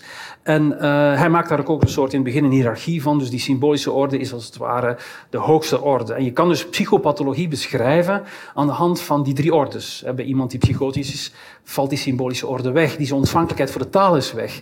Iemand weet niet meer wat woorden betekent of gaat allerlei woorden aan elkaar schuiven zonder dat ze of heel letterlijk nemen. Over wit en dan gaat men associëren. Dus dat wegvallen van die symbolische orde kan ook duiden op een zekere psychopathologie. Dus om je staande te houden als normale mens, moet je een beetje evenwichtig tussen die ordes, die drie Kunnen ordes manoeuvreren, Ja. ja. Is dat, Dat, is- naar dat is tevredenheid? duidelijk. Ik ben tevreden. Jij ook, Nathalie? Als Lacaniaanse. En dan wil ik jou het begrip nog het, vragen of je nog iets over het reële wil zeggen. Omdat het toch, het is wel genoemd door Damiaan. Ja, ehm, Maar je mag ook commentaar leveren op wat Damiaan zegt, als je het er nog oneens bent. Met, Het is, het, is, het, is, het, is, wel, het is omdat ik zei van, in, ver- in verband met Antoine Mooi, ik heb enkel taal en verlangen. Ik wist niet dat er een ander boek was. En je zei me daarnet van dat dat over het later onderwijs gaat van Lacan. Dat een noodzakelijke toevoeging is, denk ik. Eh, Ik denk niet dat je over Lacan kunt spreken en enkel het eerste onderwijs ter sprake kan brengen. Zeker niet als je in de kliniek werkt. En dan is het tweede onderwijs even noodzakelijk dan niet meer noodzakelijk, om, ehm, dat het meer pragmatisch eigenlijk ook is, het tweede- het laat onderwijs van Lacan. Ehm, inderdaad, in het eerste onderwijs van Lacan heb je iets van ehm, het symbolische, dat een, een, de primauté van het symbolische. In het begin was er het symbolische, wat Lacan in zijn laat onderwijs compleet gaat omdraaien. Ja, Het zeggen van, in het begin was er. Ja, ehm, nu, de eerste zin die in me opkwam ehm, toen ik Damian hoorde spreken was... ehm, het woord is een moord op het ding. Hè, dus ehm, het dat is een woord... beroemde uitspraak van Lacan, toch? Pardon? Dat is een uitspraak van Lacan, toch? Die Lacan eh, gehaald heeft bij... als ik me niet vergis, maar ik kan me vergissen. Ik durf het niet zeggen. Ehm, ik dacht bij Hegel, maar bon. Maar inderdaad, het is iets waar hij heel veel rond gewerkt heeft. Dus de, de moord, het woord... dat- je het voorbeeld gaf van een boom. Het moment dat je zegt van een boom, dan het gaat gepaard met een verlies. Hè? Een, verlies aan, aan, aan onmiddellijkheid. Hè? Onmiddellijkheid. En dat ding is dus inderdaad het reële. Hè? Maar de symbolisering... ehm, niet alles kan gesymboliseerd worden.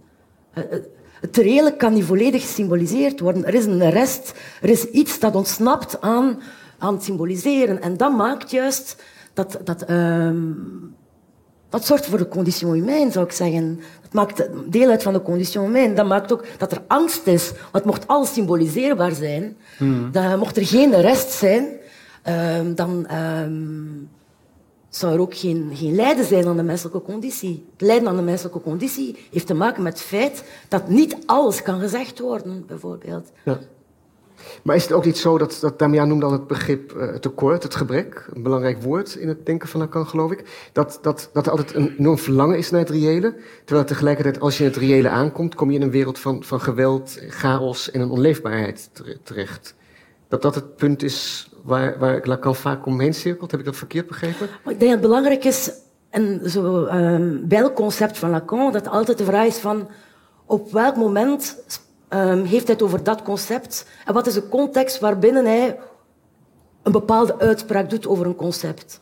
Dus het tekort, ehm, als je het linkt aan het verlangen, inderdaad, eh, het tekort aan het verlangen, het tekort ehm, zorgt dat er een verlangen is. Als ik zeg van de woord, het woord is een moord op ding, gaat over veel radicaler verlies. Dus, het- Damian had het over de drie registers, symbolische, imaginair en het reële. Zou kunnen zeggen van dat je zowel binnen het symbolische als in het imaginair en het reële iets kunt zeggen over le manque. Met, met drie verschillende theorieën daarover. Hè. Maar tekort aan zijn hè, ehm, maakt deel uit, laten we zeggen, van, van de menselijke conditie. Nou, ik- voor mij bijvoorbeeld de, de, de esthetiek van 9-11 is voor mij iets wat eh, heel lastig symboliseerbaar is. Ik bedoel, eh, het is misschien, maar de- er zit een soort van esthetisch gevoel in 9-11. En dat is ook kwaadaardig om dat zelfs uit te spreken. Dus je voelt al de zindering van de taal die je tekortschiet, vind ik. Om dat zelfs al te durven zeggen. En dat is voor mij iets wat in, dicht tegen le reëel komt. eh, De, de esthetiek die- van de eh, brandende torens. Ja, dus Het hoe, hoe, geweld. uh, appellerend kan zijn omwille van een zekere schoonheid, dat, dat, daar waag je al heel dicht in iets wat ver van het menselijke staat, maar wel heel uh, redelijk is en niet in woorden is uit te drukken. Er bestaan ook geen woorden voor, daar kan je ook niet over lezen, of daar wordt eigenlijk ooit over gezwegen. En als er wordt over gesproken, dan is het in allerlei omvloerste uitdrukkingen. En dat is het reële? Nou ja, het, reële, het, het, grappige van reële is dat je er niet kan over spreken, want het is onuitspreekbaar. Het is seks hebben op het graf van je moeder, bijvoorbeeld. Het zoeken van heel... Dat is een extreme voorbeeld van hoe kan je dicht bij iets komen wat niet eh, in woorden... En dat kan iets klein zijn, iets groots natuurlijk, maar ik zoek het juist in het extreme om mensen proberen het gevoel te geven dat niet alles inderdaad in woorden uit te drukken is, Waardoor uh, dat wij sowieso zwalken als mens. Hè? Want Lacan had een heel somber mensbeeld in een bepaald opzicht. Of ja, goed. Uh, dat vind ik wel redelijk aantrekkelijk. Maar dus, het is altijd behelpen. Die somberheid vind je aantrekkelijk? Um, nou ja, somberheid niet in, in de, in de stemmingszin, uh, nee. maar in, in, in, um, in, de zin dat... dat in de tragische zin? Ja, ik vond dat in dat opzicht een typische katholieke denker ook. Dat lijden is heel inherent aan het bestaan. Eh, dat is, dat, is, toch heel belangrijk. Of ja, heel belangrijk. Door dat lijden kan je heel veel doen. Uh, ontspint zich veel creativiteit. En het is continu een worsteling. Je wordt niet op geboren en dat je zegt van... Goh, ga maar eens lekker leven. Dat komt wel goed. Nee, zo is het niet. Nee. Uh, en zeker bij zo is het meestal ook niet, toch? Nee, zo is het meestal ook niet. Nee. Nog soms wel, hè? Ja, soms wel. Ja. De naam van de vader, Nathalie. Nog een... Te moeilijk? Het mag niet technisch worden, vind ik. Ik heb ook geen zin om de, wens, de mensen weg te jagen met... Uh, nee, nee, tot nu toe zitten ze uh, allemaal nog. En als er meer dan tien weggaan, dan uh, gaan we over tot een ander onderwerp. Nee. Ik vind het eigenlijk boeiender om te hebben over de toepassing van de psychoanalyse en um, de pragmatiek van de psychoanalyse. Um, dan over... maar even, ik wilde gewoon heel kort, want anders blijft het zo abstract. Kan je heel kort iets zeggen over de naam van de vader? Wat dat, waar dat voor staat in het werk van Lacan? Dat, oh, ja... Laat ons zeggen dat dat binnen wat hij dan de neurose noemt, um, de installatie van de naam van de vader gaat gepaard met een verlies. Een, een verlies aan zijn, um, aan onmiddellijkheid, verlies aan genieten. Um, de installatie van de naam van de vader introduceert het verlangen en zorgt voor een inperking van de vrijheid. Als we het er juist hadden over de vrijheid, le fou c'est l'homme libre, de naam van de vader zorgt dat het gedaan is met de vrijheid. Maar dat is natuurlijk... Ik kan het alleen maar nu zeggen alsof het binnen een temporeel perspectief te bekijken is, maar uiteraard is dat iets zeer logisch. Eerder te zien binnen logische tijden dan binnen, binnen um, chronologische tijden. Um, vroeger, um, of laten we zeggen, vanuit het eerste onderwijs van Lacan was het van ja, is de naam van de vader geïnstalleerd, dan is men neurotisch. Um, betekent dat bij wie dat de naam van de vader niet geïnstalleerd is, die zijn dan psychotisch. En wat zorgt er voor stabilisering als er um, iets um, in het leven van die persoon dezelfde functie kan innemen dan wat er in de neurose structureel geïnstalleerd is geweest. Dat wordt ja, complex nee, natuurlijk. Dat, ja. um, maar misschien is het wel belangrijk om de, binnen de psychoanalyse een beetje de neurose is de normaliteit. Ja, hè? Dat moeten we nog even vaststellen. Ja, dus wel heel belangrijk. Het is geen ziekte. Dus uh, als je normaal bent, dan ben je neurotisch. Ja. En die non du père die geïnstalleerd wordt, verschaft jou toegang Tot daartoe. die neurotische normaliteit. Ja, dat zorgt voor die hele dubbele ja. dynamiek die, die zich ontwikkelt. Ja. Uh, en de taal treedt binnen en je ervaart het tekort. Het tekort installeert het verlangen. Ja. En je kan beginnen leven als mens. Wel neurotisch, maar dat is dus het mooiste wat je kan vinden, volgens Lacan. Maar het is wel heel prettig voor de neurotici dat die in één klap normaal zijn verkleid. Ja, zo makkelijk kan het zijn. Ja, eigenlijk wel. Ja. ja. Ik zei het heel fijn voor alle neurotici. Die zijn in één klap normaal verkleid. Um, het is niet wat Lacan um, vanaf de jaren 60 zei. Um, dat zei hij van iedereen is zot. in de zin van, ik zou kunnen zeggen van, dat hij in zijn eerste tijd, de structureel Lacan, dat hij een normaliteitstheorie had. Een visie op normaliteit. Met de naam van de vader als norm zogezegd een norm. Hè.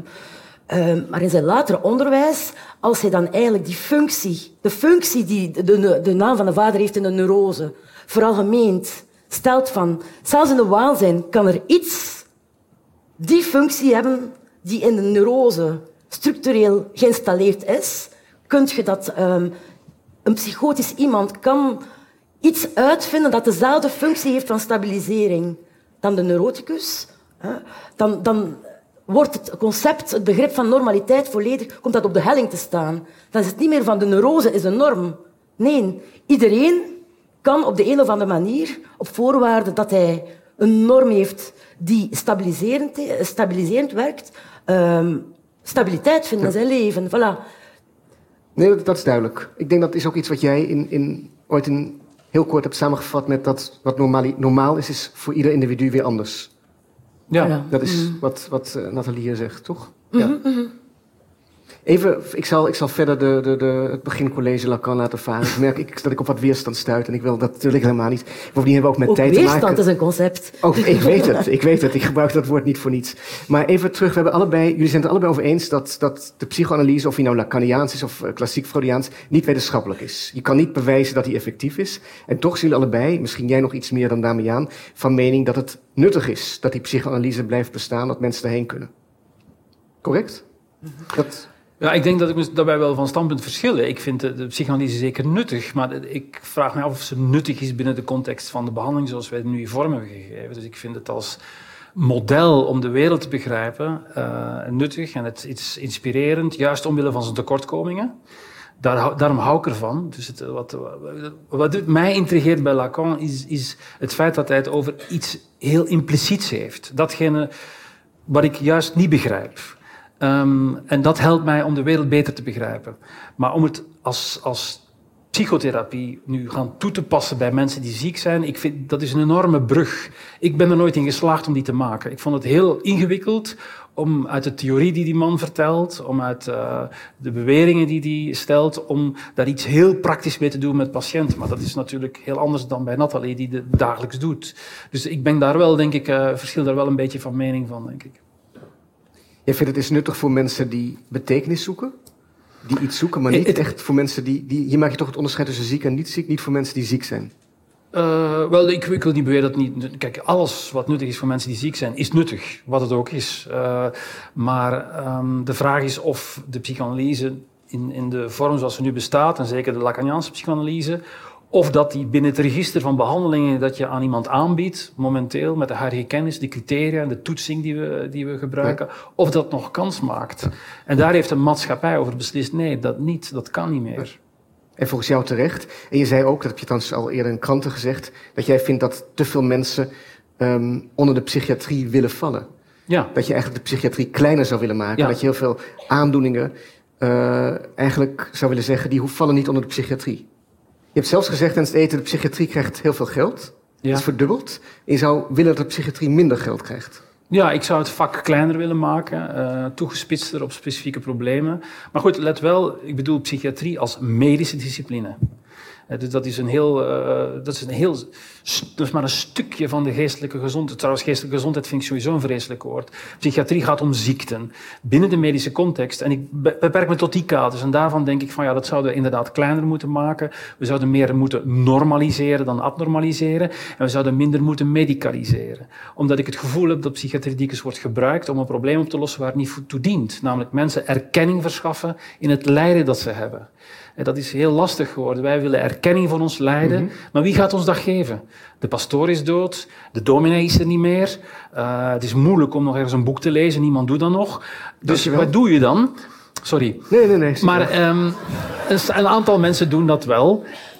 En dus is de psychiatrie um, makkelijk, uh, en dat wordt ook aangeboden. Men, men, gaat de psychiatrie naar voren schuiven als de legitimatie van het persoonlijke lijden. En dat vind ik een verkeerd gebruik. Dat kost ons handenvol geld. Maar wie zou die erkenning dan moeten geven, Nathalie? Herken je dit verhaal? Dat mensen erkenning zoeken voor hun lijden en dan bij een psychiater komen en zeggen: ha, de psychiater zegt dat ik ziek ben, dus het is erkend. Fijn. Maar tegenwoordig in onze praktijken, de mensen komen al toe met een stoornis. Zeggen van, ik heb eens gekeken op internet, ik heb een testje gedaan en blijkt dat ik die en die, die stoornis heb. Kan ik bij jou terecht? Zo begint, en, uh, zo begint de therapie. Uh, de vraag is van, wat, wat doe je daarmee? Op welke manier ga je daarop antwoorden? Ga je die persoon erkennen in zijn stoornis? Of ga je zeggen van, kijk, um, iemand die bijvoorbeeld langskomt en zegt van ik heb een depressie, zeg van ja, kijk, ik begrijp niet wat je zegt, ik heb een depressie. Leg eens uit van wat, wat gaat er niet voor jou? los van die labels enzovoort enzovoort. We nodigen mensen uit om, om, ehm, om ehm, te spreken los van um, de betekenaars die, die, die, die vanuit de maatschappij op ons afkomen. En op zoek te gaan naar het meest, meer singuliere en niet... de psychoanalyse is er niet voor elementen van een categorie. Ik werk niet met elementen van een categorie. Ik werk met elke mens ervan uitgaan dat elke mens niet categoriseerbaar is. Dat, is het wezenlijk verschil. Dat is idealistisch, of niet? Um, of is dat ook weer een label? Of idealistisch? ik, weet niet. ik bedoel, het is toch heel menselijk jij, om te categoriseren? Kom je niet om in Het is angstbemeestering, inderdaad. Ja. ja. En jij kan tegenover jou, noem je het patiënt of cliënt? Patiënt. Patiënt. Patiënt. Uh, dus Daar zit je etymologisch gezien lijkt me dat het meest correcte. Ja. Over een patiënt te spreken. Over iemand die lijdt. En die met zijn lijden um, een adres zoekt. Ja. Maar die, dat lijden dat voor hem enigmatisch is, raadselachtig is. Hij ziet af van iets. Hij of zij ziet af van iets. Er is iets dat niet gaat. Hij probeert dat te bemeesteren. Hij gaat op zoek op internet. Hij begint vragenlijstjes in te vullen. En hij zegt, zegt van... Ah, hetgeen dat niet gaat, dat heeft een naam. Dat, is, dat noemt zo. En dan gaat hij met dat label naar een therapeut. En toevallig is dat soms af en toe ik. Dan zegt hij van, ehm, kijk, ik heb dat. Ehm, en dan is de inzet van, van ja, oké, ehm, jij komt met dat label af, maar wat, wat gaat er niet? Wat gaat er niet? Laten we bij het vertrekpunt opnieuw beginnen. En niet bij de uitkomst van, van Google, bij manier van spreken. Dat, dat erkenning zoeken van, van lijden, Damian, is dat, was dat naar jouw idee is dat iets wat er altijd al was? Of is dat juist het wegvallen van de ontzuiling? Uh, je noemde de pastoor en de dominee er niet meer zijn. Dat het daarom mensen een adres zoeken en uitkomen bij de gezondheidszorg? Uh, ja, maar ik denk dat er ook een ander uh, element een rol speelt. Dus ik denk dat mensen altijd erkenning zoeken voor hun lijden. Maar wat mij opvalt is dat dat zo is toegenomen omdat wij een soort van onverdraagzaamheid naar het lijden hebben ontwikkeld. En dat is denk ik wat er veranderd is de afgelopen 20, 30 jaar. De, de manier waarop wij het lijden kunnen accepteren als een onderdeel van ons leven, de angst als een menselijkheid van ons bestaan, schuld, jaloezie, eenzaamheid, dat, is, dat, is, dat kan niet meer. wij moeten een gelukkig leven leiden. En dat zeg ik mensen soms ook letterlijk. Ik vind dat de psychiatrie ons gelukkig moet maken. Dat zeggen jouw patiënten? Ja, ik ben ook ooit, dus dat, toen ik dat zei, dat dat eigenlijk dat dat niet mijn bedoeling was. Uh, omdat het dan, ja, maar er werden daardoor ook patiëntenverenigingen op aangesproken. Die zeiden van, en wij neigen in de psychiatrie naar woorden die naar dat geluk tenderen. Herstel, psychisch welzijn. En ik vind dat heel gevaarlijke woorden, omdat die ons weghalen uit de simpele dialectiek van ziek zijn. Men houdt niet van ziek zijn. Daarom hebben wij in Nederland cliënt. We hebben geen ziekten en patiënten. Nee, we hebben psychisch kwetsbaarheid, psychisch en herstel en cliënten. Dus in plaats van, waardoor alles vlakker, toegankelijker wordt. En ik snap wel, we moeten vechten tegen een stigma. Maar dit is heel gevaarlijk aan het worden, omdat we op een glijdende schaal zitten. En heel veel lijden eigenlijk toch wel een beetje in die groep terechtkomt van datgene wat dus psychiatrisch behandeld moet worden. Ja, ja zo van... Um, denk inderdaad van de onverdraagzaamheid ten aanzien van het lijden is iets van alle tijden. Maar ik denk dat binnen elke tijdsperiode dat dat een andere naam krijgt. Of dat dat een andere focus krijgt. Wat ik nu zie bijvoorbeeld in Vlaanderen. Uh, er is een nieuwe wet um, op de geestelijke gezondheidszorg. Hoe de focus nu is, um, wat elke, laten we zeggen, elke visie op het menselijk lijden en elke onverdraagzaamheid ten aanzien van het menselijk lijden. Um, ik ben mijn draad kwijt. Maar maakt niet uit. Um, Wil je misschien over het artikel wat je in de knak hebt geschreven? Ik, ik zag opeens een link daar naartoe. Um, Wil je ja, daar iets over vertellen? Help ik je daarmee? Inderdaad, ja. ik wil eigenlijk, eigenlijk zeggen van... van um, de wet die nu gestemd is, bijvoorbeeld, de, die nu van toepassing is in Vlaanderen, die uh, moet altijd nagaan van, ja, er is een wet die het veld van de geestelijke gezondheidszorg gaat regelen.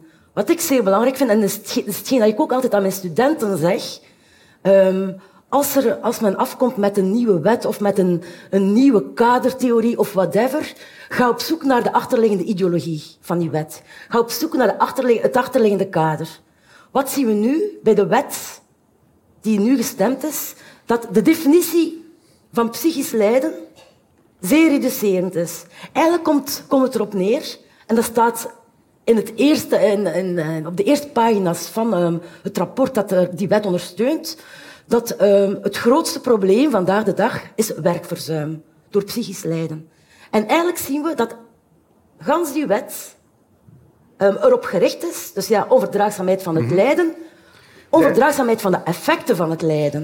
Het gaat dan over de effecten van het lijden. Dat die mensen niet meer gaan werken en de staat geld kosten. Dus moet het veld van de geestelijke gezondheidszorg geregeld worden. En wat wordt binnen die wet eigenlijk geestelijke gezondheidszorg? Zorg, dat wordt dus eigenlijk mensen terug aan het werk zetten. Dat is een zeer enge definitie, Mhm. zeer enge van, definitie. van, van, van ehm, ehm, geestelijke zorg.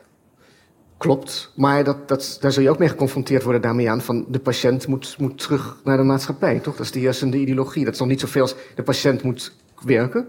Maar hij, hij, langdurige opname, zoals dat ooit Ja. eh, toch ook in Nederland bekend was, bestaat bijna niet meer. Nee, dat kan om andere redenen moeilijker. Maar ik- het is, eh, ehm, dat, van dat werken vind ik zo exemplarisch voor wat er gebeurt. Ik bedoel, dat schrijf ik ook. Dus de normaliteit is zo verengd naar de persoon die productief is. Absoluut. Dus als je niet meer productief bent als persoon in zo'n maatschappij, ja, dan neig je al naar abnormaliteit. Dus we hebben normaliteit en abnormaliteit geherdefinieerd. En de normale persoon is de goedlachse, ik vind altijd, ja, Rutte is de normale persoon, goedlachse, eh blije premier die pragmatisch oplossingen zoekt, onmiddellijk, nu en dan, zonder ideologie het liefst, meteen. Eh, en dat is ook hoe wij de normale mens zien. En als je daarvan afwijkt door te treuren of niet productief te zijn, dan word je al heel snel abnormaal.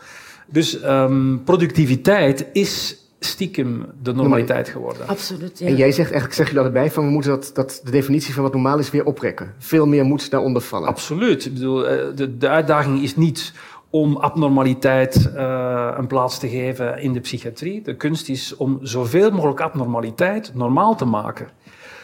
Dus ik denk, En bedoel je daarmee- een- een- hoe, hoe, hoe minder een abnormaliteit een wetenschap herkent, een, een maatschappij erkent en herkent, dus te gezonder en waardevoller is die maatschappij. Nog één keer, hoe minder Hoe abnormaliteit. minder abnormaliteit in de maatschappij aanwezig is, dus te gezonder is die maatschappij. Dus onze- Dus de mooiste maatschappij is diegene waar geen abnormaliteit is, om het extreem te zeggen. Is- Dus wij zijn als maatschappij vrij ziek. Vind ik wel. Want als je kijkt naar eenvoudige dorpjes eh, waar men eh, nog iets minder cultureel ontwikkeld is, onder andere, eh, weet ik veel, ik ga geen namen noemen, daar zou ik beticht kunnen worden van. Maar goed, da- daar zie je dat mensen opgenomen worden in een sociaal netwerk waar men ook blij is met een klein beetje productie. Daar men, de mensen die abnormaal verward zijn, die krijgen geen ander statuut. Die kunnen deels functioneren, misschien minder succesvol, maar daar heeft men het gewoon niet moeilijk mee. En dit soort van aanvaarden van abnormaliteit binnen een context waarbij abnormaliteit niet meer abnormaal is, dat getuigt van gezondheid. En dat zijn wij dus een beetje verloren. Zien jullie het ook als jullie taak, als jullie maatschappelijke taak, om, om het idee van wat normaal is en abnormaal, wat normaal is op te rekken? Is dat ook, zie je dat ook als jouw taak, Nathalie? Behalve dat je met patiënten werkt, om wat de maatschappij, wat wij met z'n allen normaal vinden, om wat Damian zei, dat begrip van normaliteit op te rekken, te vergroten, te verbreden. Is dat ook iets waar je aan werkt? Ja, absoluut. Ik denk dat elke... norm- denk, voor zolang dat we spreken in termen van normaliteit, ehm, veroorzaakt geen segregatie. Het concept van normaliteit is op zich een probleem, vind ik. Ehm nou, dat kan ook zijn van iedereen is zot. Tout le monde délire. hè. Ehm, dus ik denk dat, ehm, omdat we het er juist hadden over van is psychoanalyse nuttig, denk ik dat ehm, de psychoanalyse sowieso ten aanzien van de, de eisen van een samenleving ehm, een asielfunctie kan hebben. Plaats kan zijn waar je over je verlangen kunt spreken. Want verlangen is per definitie wars van elke norm. Verlangen is altijd abnormaal, pervers. Voilà. En wij kunnen daar niet over spreken. Nee, we hebben de kunst, toch? Hadden we niet de kunst voor dat, daarvoor? Ah, maar de, Schrijven. kunst, schrijvers, Ja. schrijvers enzovoort enzovoort. Ehm, Enzovoort, ja. Pervert verlangen. Ja. Schilders, filmmakers. Ja. ah, ja, ja. dan wordt het gedoogd. ja. Ehm, als, het, ehm, als het een product oplevert, een artistiek product oplevert.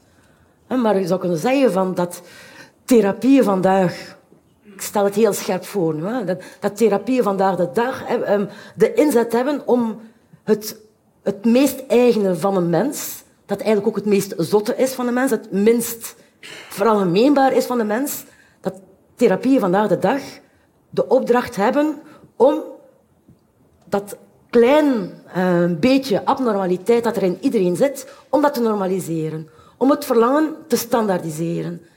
En ik denk van, voilà, psychoanalyse is in die zin... ehm, biedt dat een, een, een, schuiloord ten aanzien van bijvoorbeeld ook de verwachtingen in de maatschappij. Ehm, plaats waar, waar, waar, waar iemand iets kan zeggen over zijn, zijn werkverzuim. Ehm, dat hij absoluut niet in, op een of ander maatschappelijk forum kan gezegd krijgen, maar wat wel iets zeer eigen is, dat een waarheid ehm, behelst met betrekking tot wie hij is. Damian, op ze- als je dit zo hoort en ook ehm, afgaand op het voorafgaande, zou je tegen iemand zeggen die bij jou komt met een milde depressie, ga maar naar Nathalie? Of zou je zeggen, lees Dostoevsky en probeer dat? En ga dan naar Nathalie. En ga dan naar Nathalie. Wat is Ik- de, wat is dat de zou ik zeggen. Eerst Dostoevsky dan... Ja, want dan, eh, je hebt iets boeiends te vertellen tijdens de analyse. ja. Maar of kan dat, maar je accepteert het niet als antwoord. Oh, ik accepteer alles. Ik ben, Ja, eh, ik ben net zo... ehm, ik ben ook heel erg voor het verbreden van normaliteit. Ja. Ook in deze context. Nee, ik accepteer dat. Maar ik vroeg me af wat. Kan, kan, omdat, het- ik bedoel, we hebben het scherts over gehad, maar kan kunst en het consumeren, als ik dat woord mag gebruiken van kunst, dezelfde functie hebben als het ondergaan van, van psychoanalyse? Eh, ja, al- alhoewel ik denk, ik denk dat ku- kunst zeker helend kan zijn, maar om dat te, kunnen van profiteren moet je al redelijk gezond zijn. Eh, dus ik, ik vraag ook dikwijls bij patiënten die ik behandel of zij eh, een esthetische ervaring kunnen opzoeken. Dus ik werk met veel met mensen met dwangklachten die zijn zo controlebehoeftig dat ze als het ware overal altijd bewust willen blijven aanwezig zijn. Op het moment dat het bewustzijn ontsnapt, dan hebben ze het gevoel dat ze zullen sterven en dan worden ze overweldigd door angst. Dus dan probeer ik hen duidelijk te maken dat er ook ehm, belevingen zijn waar je kan verdwijnen als persoon, opgaan als subject in de omgeving, zonder dat dat negatief is. En dat is volgens mij het grote voordeel van kunst, eh, van lezen, maar ook muziek, van eh, esthetiek. Je wordt als voorwerp opgenomen in een omgeving, komt los te, dan, los te staan van jezelf en je ervaart dat dat niet onprettig is. Maar om dat te kunnen doen, moet je al een klein beetje gezondheid bezitten. Dat kan natuurlijk niet met iedere eh, patiënt met psychische stoornissen. En dat noem je de esthetische ervaring. Ja, ik noem het een esthetische ervaring, maar voor mij een esthetische ervaring kan een blik zijn op, op de zee, op de golven. Het kan een wiskundige formule zijn. Het kan een mooie zin zijn, soms wel eens dat je een keer kan lezen. Of een gebouw. Voor mij is het heel breed. Maar ik voel lichamelijk een esthetische ervaring. Dan voel ik mij verdwijnen als persoon en opgaan in iets wat mij transcendeert. Iets wat mij overstijgt. Nou, dat, dat, dat, is, daar, dat is voor mij de bedoeling van kunst. Dat kan ook eh, natuurlijk zijn, natuurlijk. Niet gekunsteld door een persoon. Ehm, maar ik denk als je dat kan, dan ben je op weg naar heel veel gezondheid. Is seks ook zo'n... Of zou seks ook zo'n... Ja, seks is hetzelfde. Eh daar ga ja, dat moet als het ware, denk ik. Want het, dikwijls is het lichamelijke zo fysiek afstotelijk dat mensen verdwijnen om dat te kunnen beleven. Dat moet je even herhalen. Het lijkt me interessant voor het publiek. Lichamelijk is zo afstotelijk dat mensen verdwijnen. Nou, veel mensen raken natuurlijk, eh nou, als je iemand, we hier allemaal zouden onze kleren naar doen en naakt hier zouden zitten, Dat doen we de volgende keer. De volgende keer doen we dat dan. Ja, goed, dat, dat is niet meteen een appel op esthetische belevingen, denk ik. Tenzij dat ik mij. eh, dus eh, om, om, om eh, lichamelijk aan de gang te kunnen gaan, moet je jezelf als persoon kunnen op. Of moet je kunnen verdwijnen als persoon. Dat is volgens mij de, de kunst van het verleiden en de kunst van de seks. Ja. Maar goed, ik, ik heb het gevoel dat je dat een heel leuk onderwerp vindt, seks. Maar we kunnen nog wel eens. Nee hoor, ik... Nou, de, ja, dat, dat kunnen we zeker. Alleen met jou, alleen over seks. Ja, gaan we dat eens doen? Ja, hier in de balie. En dan iedereen naakt. Ja, oké. ja. Over de medicalisering. ehm, er stond deze week een interessant artikel in De Groene over eenzaamheid. Een andere psychiater wees mij erop. En dat er eigenlijk dat het eenzaamheid ook als een ziekte tegenwoordig wordt gezien, een stoornis, een eenzaamheidsstoornis, dat je er ook allerlei neveneffecten van kan hebben. Mensen die eenzaam zijn uh, krijgen vaak een, eerder een hartinfarct en uh, hebben al last van allerlei andere fysieke narigheid. En uh, er zou wel een pil tegen eenzaamheid kunnen komen. Is dat een. Is dat, ik, bedoel, ik, weet, ik denk dat jullie antwoord al weet, maar ik wil het jullie toch vragen. Want zou dat wenselijk zijn, maatschappelijk gezien? Maar de vraag is altijd van wie doet dat onderzoek? Um, door welke um, lobby's, uh, door welke um, industrieën wordt dat onderzoek gefinancierd? Dat zijn belangrijke vragen. Zeker. Om, opnieuw, wat is de achterliggende ideologie van zo'n stelling? al die dingen zijn, zijn belangrijk om te weten. Hè? Maar feit is dat er dan plots zo'n artikel is van eenzaamheid is nu ook een stoornis. En er zijn heel veel mensen die er dan mee weg zijn, die het dan op zich gaan nemen. En we mogen ons verwachten dus dat binnen dit en een half jaar mensen een test hebben gedaan via Google. En zegt bij ons komen en zeggen van ik heb een testje gedaan. Ik, ben, ik heb een eenzaamheidsstoornis. Voilà, ik heb een eenzaamheidsstoornis. mag ik een tabletje? Voilà, ja. zoiets. Um, Oké, maar ik, zelfs met al dat voorbeeld, laten we zeggen, het, is een heel, het, het, het tabletje werkt. Pfizer komt met een tablet dat werkt tegen eenzaamheid. Zou je dat, Damian, aan je patiënten voorschrijven? Die zeggen, ik ben zo verschrikkelijk eenzaam? Um, maar goed, ik, ik, denk, ik moet een stap terug. Kijk, eenzaamheid is gewoon geen stoornis. Punt uit. Uh, en dat, dat, dat artikel, ja, ik vond dus daarom, maar het is een illustratie van wat we net al verteld hebben.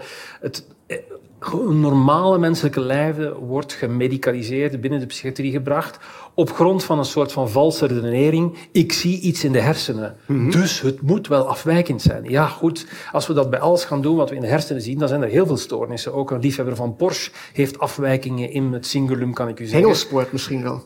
Ook hm? Gewoon hengelen kan ook dan een afwijking worden. Hengelen? Ja, hengelen. Vissen. Ja, dat, ja. Hoe kom je plotseling bij hengelen? Ik had over Porsche. Maar goed, ja. Zo werkt uh, ja, zo, zo werkt jouw brein natuurlijk. Nu, nu snap ik het natuurlijk. ja, bijvoorbeeld. Dus en dat is een soort van valse redenering. Wij zijn er enorm gevoelig voor. Als het dus neurobiologisch aangetoond kan worden in de hersenen, is het een legitimering dat er iets fout zit. Maar dat is helemaal niet zo. Je kan alles aantonen in de hersenen. Dus de, dus eerste stap van, is dat een afwijking, zou ik zeggen. Nee, eenzaamheid is iets wat tot het leven behoort. En wat je dan beter kan doen, is mensen opzoeken bijvoorbeeld. In plaats van een pil. Ja. Maar wat nou als iemand zegt, Nathalie, van ja, mensen opzoeken, zegt, zegt de psychiater, maar dat vind ik eng. Vind ik ook een beetje vies. Ik vind mensen smerig. Geef mij maar een tabletje, dokter. Ik zit bij jou, ik zeg dat tegen jou als patiënt. En die vraagt, uh, ja. het feit... Ja, oké. Ik weet wel dat jij geen medicijnen mag voorstellen, maar laten we even dat terzijde. Um, maar iemand die, die langskomt en die zegt van... Um, ik leid aan het eenzaamheidssyndroom. Stel nu dat, dat, dat en, enzovoort enzovoort. Dan, dan zou mijn vraag zijn, van, wat doet jou dat besluiten? Ah, spreek. Um, kom op verhaal. Uh, wat gaat er niet? Uh, hetgeen dat ik er juist verteld heb.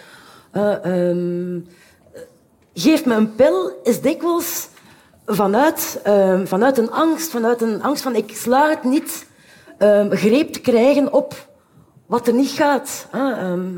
Vandaar dat, dan, dan sommige mensen zweren dan bij pillen als oplossing. Maar ik weet niet of de vraag Um, twee dingen eigenlijk. Um, ik vind het niet altijd de juiste vraag. Werkt het of werkt het niet? Um, het is ook een kwestie van ethiek. Nee, want uh, op een bepaald moment zei Trump van waterboarding werkt. Dat is de vraag niet. Werkt het of werkt het niet? Ik denk dat het bij, bij heel veel dingen... Dat bedoel niet als therapie, hè? Nee, nee, nee. Even voor alle duidelijkheid. Nee, nee, maar het is niet omdat iets werkt, dat het dan mag. legitiem bestaansrecht heeft. Um, het andere punt um, dat ik wou aankaarten was gans het ding van wetenschappelijk onderzoek. Het is niet omdat bijvoorbeeld iets aantoonbaar is in de hersenen. Ik denk dat we een onderscheid moeten maken. Ik denk dat elke wetenschapper die bij zijn, bij zijn discipline blijft, dat onderscheid maakt. Het onderscheid maakt tussen een oorzakelijk verband en een correlatie. Het is niet omdat iemand die zich depressief voelt, een bepaalde hersenactiviteit heeft, dat, er, dat dat gepaard gaat met een bepaalde hersenactiviteit, dat die hersenactiviteit de oorzaak is van die depressiviteit. Het loopt samen. En heel veel zo zeg de um, onderzoeksresultaten zijn gebaseerd op het, juist, het, het eenvoudigweg vaststellen van een correlatie. Dat vind ik de bedriegelijkheid van heel veel um, onderzoeksresultaten die dan de media halen. Mm -hmm. Er is iets aan het licht gekomen, ja, een correlatie. Maar een ja. correlatie zegt nog niks over nee. de oorzaak. Dat is duidelijk. Nee. Damian, je zegt um, de psychiatrie moet kleiner worden. Vind je ook dat de psychiatrie in zijn algemeenheid te snel over medicijnen, te snel medicamenten voorschrijft, te snel naar de farmaceutica grijpt? Of is dat een te algemene uitspraak? Dit, uh, ja, ik denk dat het algemeen is. Ik, ik uh, realiseer me heel goed dat dat uh, bon ton is om dat te zeggen. En als je naar de cijfers kijkt, ja, dan lijkt dat ook wel legitiem te zijn. Als je weet dat in Nederland een miljoen mensen antidepressiva nemen, dan is dat slikken. Ja. maar, maar sorry. Nee. Ik, vond, ik, vond het een beetje belachelijk, maar goed. Ja. Um, maar nee, ik vind niet, dat is mijn ervaring toch niet, dat mensen te snel naar medicijnen grijpen. Ik vind medicijnen is een belangrijk onderdeel van het arsenaal uh, aan behandelingen dat een psychiater ter beschikking heeft. En uh, als we even teruggaan naar de jaren 50, 60, toen er nog geen medicijnen waren, ja, toen zaten psychiatrische instellingen boordevol mensen, dan 5, 6, 7.000 mensen was niet ongewoon. Het is dankzij medicijnen dat die mensen gedeinstitutionaliseerd zijn en dat ze in staat waren om iets van die normaliteit op te pakken. Dus, maar nu wordt uh, medicijnen worden gedemoniseerd. Dus ik zal niet ontkennen dat er waarschijnlijk misbruik bestaat. Uh, natuurlijk firma's die hebben alles gedaan om te verkopen. Uh, daar zijn natuurlijk wel ethische grenzen overschreden. Maar goed, dat is die firma natuurlijk. En zeker in Amerika loopt dat de spuigaten uit waar je reclame kan maken. Dat kan gelukkig hier in Europa niet. Maar ik heb de indruk dat de meeste psychiaters naar eer en geweten alleen medicijnen voorschrijven als zij dat noodzakelijk achten. Ja. Maar het is helaas zo dat wij in een globaliseerde wereld leven waar iedereen toegang tot alles heeft. Ja. Overigens is, vind ik die, die, die uh, hetsen tegen medicijnen vind ik wel opmerkelijk. Ik wil er niet aan meedoen hoor, maar omdat we het Nee, nee, maar los van jouw overwegingen. Men is tegen antidepressiva, hè, want een miljoen Nederlanders gebruiken antidepressiva. Maar 800.000 Nederlanders gebruiken ecstasy die ook serotonine doet toenemen. Dat vinden wij volstrekt acceptabel, dat je gewoon naar een feestje gaat en vrijdag ecstasy ja. neemt. Omdat het illegaal is, mag het? Nou, ik, ja, precies. Maar dat, dat, daar zit een soort van rare paradox. Ja. Dus het uh, innemen van ecstasy, dat vinden we, moet gelegaliseerd worden, moet kunnen. Moet ja. kunnen. Zeker als je feestje viert, want ik moet nu feest vieren en nadien moet ik iets anders. Maar antidepressiva, dat mag dan weer niet. Nee. Dus ik vind dat een heel ambivalente attitude. Ik denk dat het komt omdat de psychiater dat voorschrijft. Dat is het grote verschil. Ja, het kan zijn dat men tegen de psychiater is, dat bedoel je. Ja. en niet dus, tegen de medicijnen. Als, als die op zich is dat een gezonde attitude. Door dezelfde dealer die ook kook verkoopt, dan krijg je een heel ander verhaal. Ja. Als ik jullie zo hoor, dan zeggen jullie eigenlijk steeds weer, of een aantal keren twee dingen. Eén, dat die normaliteit, dat het echt heel erg een, een, een klein hok is geworden, waarin wij ja. mensen dwingen. Ja. En tegelijkertijd zeggen jullie allebei dat de tolerantie voor ons eigen lijden minimaal is. Dat we eigenlijk weinig tolerant zijn, dat we niet echt goed kunnen verdragen om zelf te lijden. En als ik jullie goed begrijp, je kijkt moeilijk, maar ik maak mijn zin af en dan mag je me tegen me ingaan. Als ik jullie goed begrijp, zeg je ook het is de taak van de hulpverlener, of dat nou een psychiater is of een psychoanalytica, om die tolerantie te vergroten. Om de patiënt te leren met zijn eigen lijden om te gaan, zonder dat noodzakelijke wijs weg te nemen. Ik begin dan met jou. Dat kan, ja, ja, daar ben ik volstrekt mee eens. Maar laat me wel uh, iets daar. Maar er zijn wel mensen die echt psychisch ziek zijn. Ons dat. Maar wat ik daarnet ook zei, bedoel, dat is ongeveer 7, 8 procent van de bevolking. Dat is redelijk constant. En de groep aan ernstige psychiatrische stoornissen doorheen de tijd, doorheen de landen, is 7, 8 procent. Deze mensen hebben een psychiater nodig, zonder enige twijfel. Maar in Nederland is het zo dat 40, 42 procent beantwoordt aan de criteria van een psychische aandoening. Niet iedereen is een behandeling, maar we hebben dat enorm verruimd. En dus inderdaad, mijn doelstelling zou zijn, laat ons terug naar die 7, 8 procent gaan. Die mensen hebben het nodig. En die krijgen het nu niet, omdat we te veel aandacht spenderen aan die 20 procent met lichtere klachten. Ja. Ik denk inderdaad van dat uh, um, bij elk systeem bij elk systeem voor geestelijke gezondheidszorg vallen de, de meest complexe gevallen uit de boot. Sowieso, sowieso. Um, want elk systeem, als ik nu denk aan het systeem dat, dat men, nu in Vlaanderen wil introduceren, het is zodanig um, op voorhand gedefinieerd. Um, er wordt verondersteld dat iemand ehm, die dus ehm, niet meer gaat werken, niet meer productief is, um, binnen zoveel sessies terug zijn productiviteit gaat herwinnen, door een bepaald protocol te doorlopen. De mensen die daar niet aan gaan voldoen, die dus, waarvan het resultaat niet strookt met de voorspelbaarheid, die vallen na verloop van tijd uit de boot. Als ze zijn niet um, gemotiveerd, ze werken tegen, enzovoort, enzovoort. Want dan, een protocol werkt voor de mensen bij wie dat het resultaat het voorspelbare resultaat was. Mhm. Want als, als er in een protocol, op het einde van het protocol, iets opduikt dat niet beantwoordt aan wat er verwacht werd, dan opnieuw, zoals we het juist hadden over de onverdraagzaamheid van de waanzin, enzovoort, enzovoort, dan moet dat aan de kant geduwd worden. Dat bedoel ik als ik ook zeg van elk, elk systeem, elke normaliteitsvisie veroorzaakt segregatie. De meest complexe gevallen hè, um, um, zijn, de zijn de gevallen die men niet in een vakje kan stoppen. Je ziet dat ook bijvoorbeeld bij jongeren. Heel, heel veel schrijnende gevallen. Hè. Um, jongeren die een combinatie van verschillende problemen hebben. Een sociaal probleem, een medisch probleem. Allee, dat is dan een externe beoordelaar die zegt van ja, maar hij heeft een sociaal probleem, heeft een medisch probleem, heeft een psychisch probleem enzovoort. Hij wordt van kastje naar de muur gestuurd. Hè? Want iedereen zegt van ja, maar ja, nee, uh, wij gaan hem niet opvangen, want hij heeft ook een sociaal probleem. En wij behandelen enkel psychische problemen.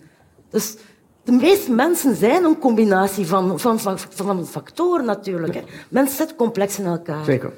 Maar Nathalie zegt van elke definitie van normaliteit segregeert. Tegelijkertijd is het, denk ik, vrij moeilijk om je maatschappij voor te stellen waar je niet, op wat voor manier dan ook, sociaal onwenselijk gedrag hebt. Denk aan geweldsdelicten. Mhm. Dus hoe, hoe moet je daarmee omgaan met dat uh, sociaal onwenselijk gedrag? Moet je dat medicaliseren? Moet je het criminaliseren? Is er nog een andere mogelijkheid? Want je zegt, we medicaliseren te veel. Maar is niet het gevaar dat als je minder gaat medicaliseren, dat je dan gaat criminaliseren? Ja, het is niet een of het ander. Kijk, en elke norm segregeert. Hè. Dus als je zegt van eh, ik maak onderscheid tussen man en vrouw, segregeer je ook. Dat is inherent aan, aan het bestaan dat, dat wij groepen zijn met bepaalde identiteiten. Um, maar goed, er is geen, het is niet dat er een soort van balans is als je minder medicaliseert, dat je meer criminaliseert. Het gaat erom, denk ik, dat je, dat je als maatschappij probeert te vertrekken vanuit het standpunt van tolerantie. Uh, hoe kan ik de mensen die tot mijn maatschappij behoren uh, in die mate opvoeden dat zij zo tolerant mogelijk zijn naar elkaar en binnenin, opdat wij voldoen aan de laagste graad van abnormaliteit en de meeste, de meeste normaal zijn. Zowel vanuit crimineel perspectief als vanuit uh, psychiatrisch perspectief. Uh, Nietzsche zei ook al, bedoel, je kan het aantal, je kan de maatschappij afmeten aan het aantal politieagenten. Hoe minder politieagenten, hoe gezonder de maatschappij van het criminele oogpunt. Dat is het dus. Net het, dezelfde eh, werking zie je daar mhm. dus ook. Um, dus het, het, gaat er niet in dat je crimineel gedrag accepteert. Het gaat erin dat je probeert mensen zover toe te krijgen dat ze het minder stellen. En, en dat, is minder? Dat ze het minder stellen, dat ze minder crimineel gedrag stellen, minder afwijkend gedrag. En dat, dat het minder vaak voorkomt. Ja, en dat, dat, dat kan volgens mij door mensen gewoon op te voeren, door ze kunst laten, uh, met kunst in contact te komen. Door, dus vorming, educationele vorming is volgens mij een belangrijk onderdeel daarin. Dat klinkt heel belachelijk, nee, nee, nee, maar het is volgens mij de enige manier om mensen verder te brengen. Inzicht in elkaar, wat we doen, wat we wensen. En, en dat is soms... Dat en dan krijg je een tolerantere samenleving, waar een afwijkend gedrag wordt... Volgens mij wel, ja. ja. Nu, um, in Vlaanderen, um, zo'n vijftien, een tiental jaar geleden, hebben we um, in Vlaanderen een jonge man gehad die plots een crèche binnenviel en daar heel veel baby's heeft neergestoken. Mm -hmm. Bekend geval. Voilà, het geval Kim de Gelder. Die jonge man heeft op vraag, laten we zeggen, van de Vox Populi een, een, een assiseproces gekregen. En dan had de advocaat van de verdediging mij aangesproken om te vragen om die man te ontmoeten, om Kim de Gelder te ontmoeten en om een diagnostisch verslag te schrijven over hem. Um, wat ik eigenlijk wil zeggen is van, denk, dat iedereen bij zijn taak moet blijven. Um, het is niet de taak van een klinicus om rechter te, te worden. Het is niet de taak van een, van een rechter om klinisch te worden enzovoort. Ik denk dat iedereen bij zijn taak moet blijven. Ik denk dat de, de functie, de, de, de maatschappelijke rol die, ehm, die ik dan bijvoorbeeld kan hebben tijdens zo'n proces, is om op de een of andere manier um, aan te tonen dat de meest waanzinnige daden des mensen zijn. Um, de, want natuurlijk, de criminalisering, criminalisering leidt heel vaak tot uh, het ontzetten van, van, van, uh, van misdadigers uit een, uit een positie van menselijkheid. Je gaat gepaard met een deshumanisering. Die, Ook uit dat angst, niet goed. ongetwijfeld. absoluut, ja. Ehm, vooral duidelijkheid. Ik bedoel, wat ik als mens ervaar um, als ik dat hoor in de media, van dat een jonge man een crashje binnenloopt enzovoort enzovoort, doet daar niet toe. Op het moment dat ik dat um, diagnostisch onderzoek moet uitvoeren. Maar als je ziet van hoe de maatschappij daarop gereageerd heeft, uh, bijvoorbeeld de, de, roep uiteraard voor de doodstraf, de doodstraf opnieuw te introduceren in, in België, um, om, om, om, ja, de middeleeuwen moesten terugkeren. Mm -hmm. um, elke maatschappij heeft, heeft wat men in Vlaanderen een pispaal nodig. Ja. maar denk je dan ook, net als Damian, dat, dat door middel van educatie dat gezondenes volksempvinden deze, deze primitieve krachten beteugeld kunnen worden? Denk je net als Damian? Damian gaf aan dat opvoeding, educatie, een middel zou kunnen zijn om, om, mensen, op, om mensen toleranter te maken, om dergelijke primitieve impulsen te onderdrukken, weg te doen hebben, te doen verdwijnen. Denk je dat ook? Ik vind dat een zeer gevaarlijke stelling. Alsof dat mensen die geen goede opvoeding hebben gekregen... Um, nou, opvoeding, educatie. Educatie, educa educatie um, is opvoeding. Maar ik denk niet dat... Kijk, dit soort van mensen, Kim de Gelder... En, die, dit, die zullen blijven bestaan. Je kan natuurlijk niet met opvoeding, maar het ging om de, educatie... Om de, om de, reactie van de maatschappij op, op dergelijke... Ja, maar daar gaat het om. Ja, Die moet je veranderen. Ja, voilà. Maar Kim de Gelders gaan er altijd zijn. Nee, die zijn dat, altijd geweest. Dat, maar precies, maar kan je dat... Dat was mijn vraag. Oké, okay, ja, ja, ja. Oké. En nu het antwoord nog. Nee, maar ik denk dat uh, bijvoorbeeld... We hebben echt wel de tijd genomen, mijn collega en ik... Um, om um, de, de, de logica, um, uh, om op de een of andere manier, um, het was niet te pleiten om, om, die, om die persoon vrij te spreken, daarover ging het niet, hè, maar om... Om begrip.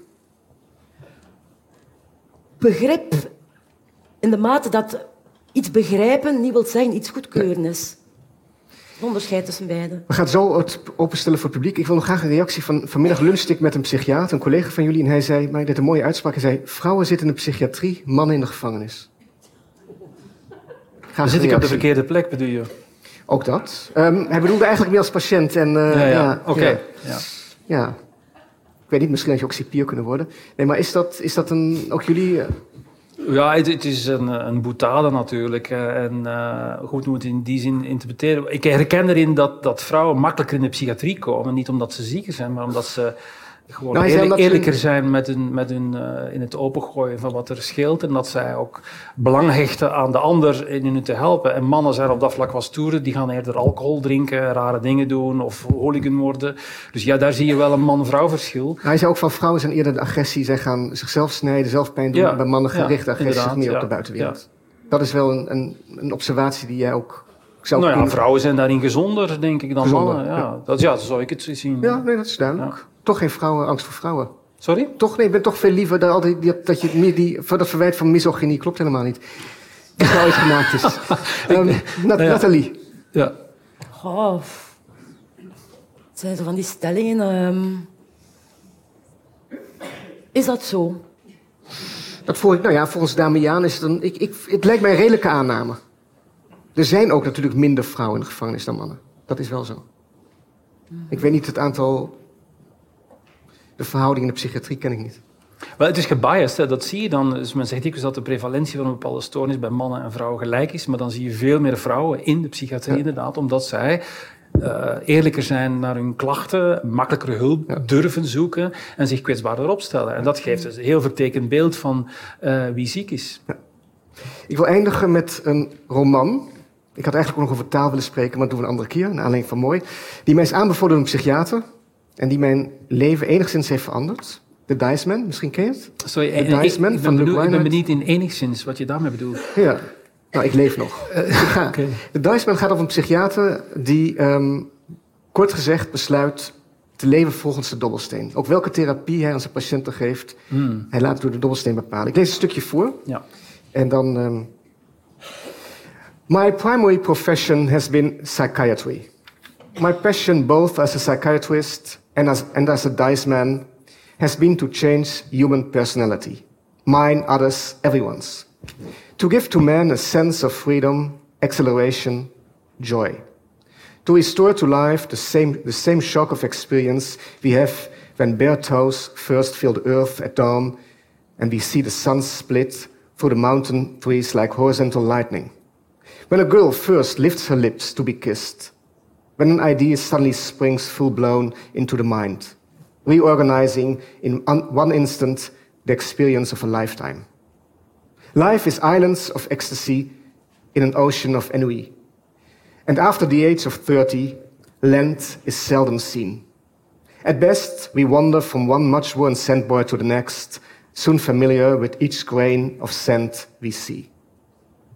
When I raised the problem with my colleagues, I was assured that the withering away of joy was as naturally to, to normal men as the decaying of his flesh and based on much the same physiological changes. The purchase of psychology, they reminded me, was to decrease misery, increase productivity, relate the individual to a society, and help him to see and interests of the self.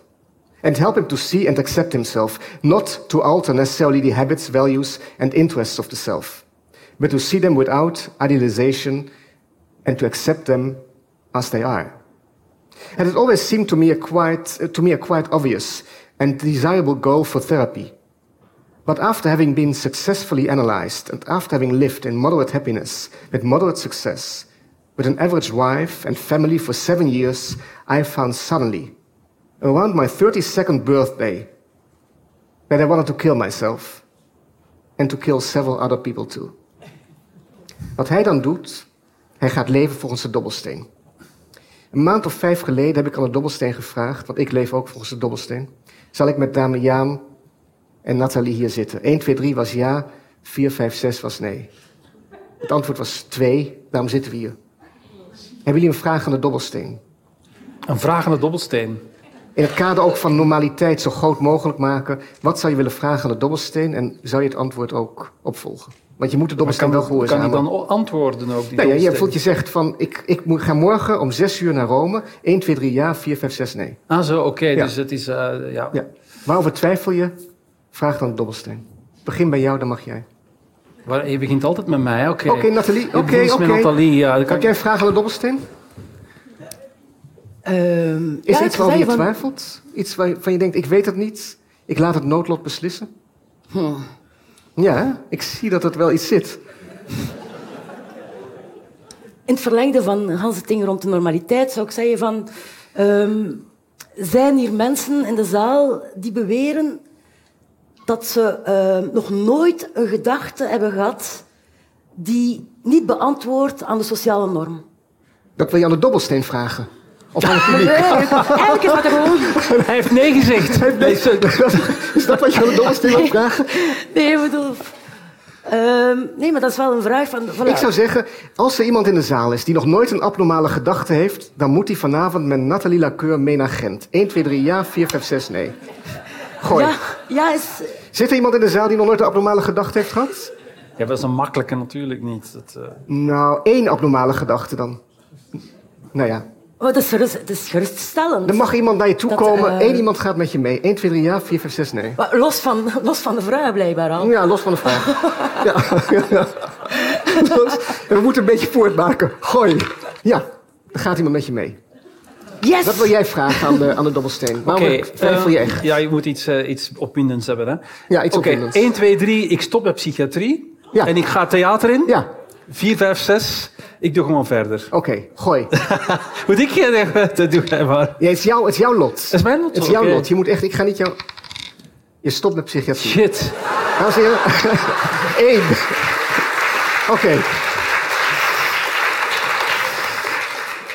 Maar even nog voor ik echt ga afsluiten. Ben jij dus morgen ben je niet aan AMC te vinden? nee, dat is waar. Ik ga naar de stad Schouwburg. Uh, en wij gaan samen, wat je zei, je wil met mijn toneelvoorstelling ja, maken, Ja, precies, gaan we doen, toch? Oké, en waarover? Over het onbewuste? Het onbewuste. En dat doet uh, Iki Freud ook mee. Dat noemen we het onbewuste. Dames en heren, ik dank u voor uw aandacht. Ik hoop dat degenen die zich normaal achten zich hier even melden. Dan kan uh, Nathalie een selectie maken die meegaan naar Gent. En um, ik wens u allen toe dat u toleranter wordt voor abnormaliteit. En dat u zonder gêne luistert naar uw onbewuste of uw verlangen. Kom goed thuis. Dank u wel. Tot ziens. Bedankt voor het luisteren naar Arnon Grunberg ontmoet vanuit de Bali. Wil je er nou een keer zelf bij zijn bij zo'n gesprek van Arnon Grunberg? Schrijf je dan vooral in voor onze nieuwsbrief of volg ons op de socials, zodat je als eerste hoort wanneer het weer zover is. Arnon, dankjewel en tot de volgende.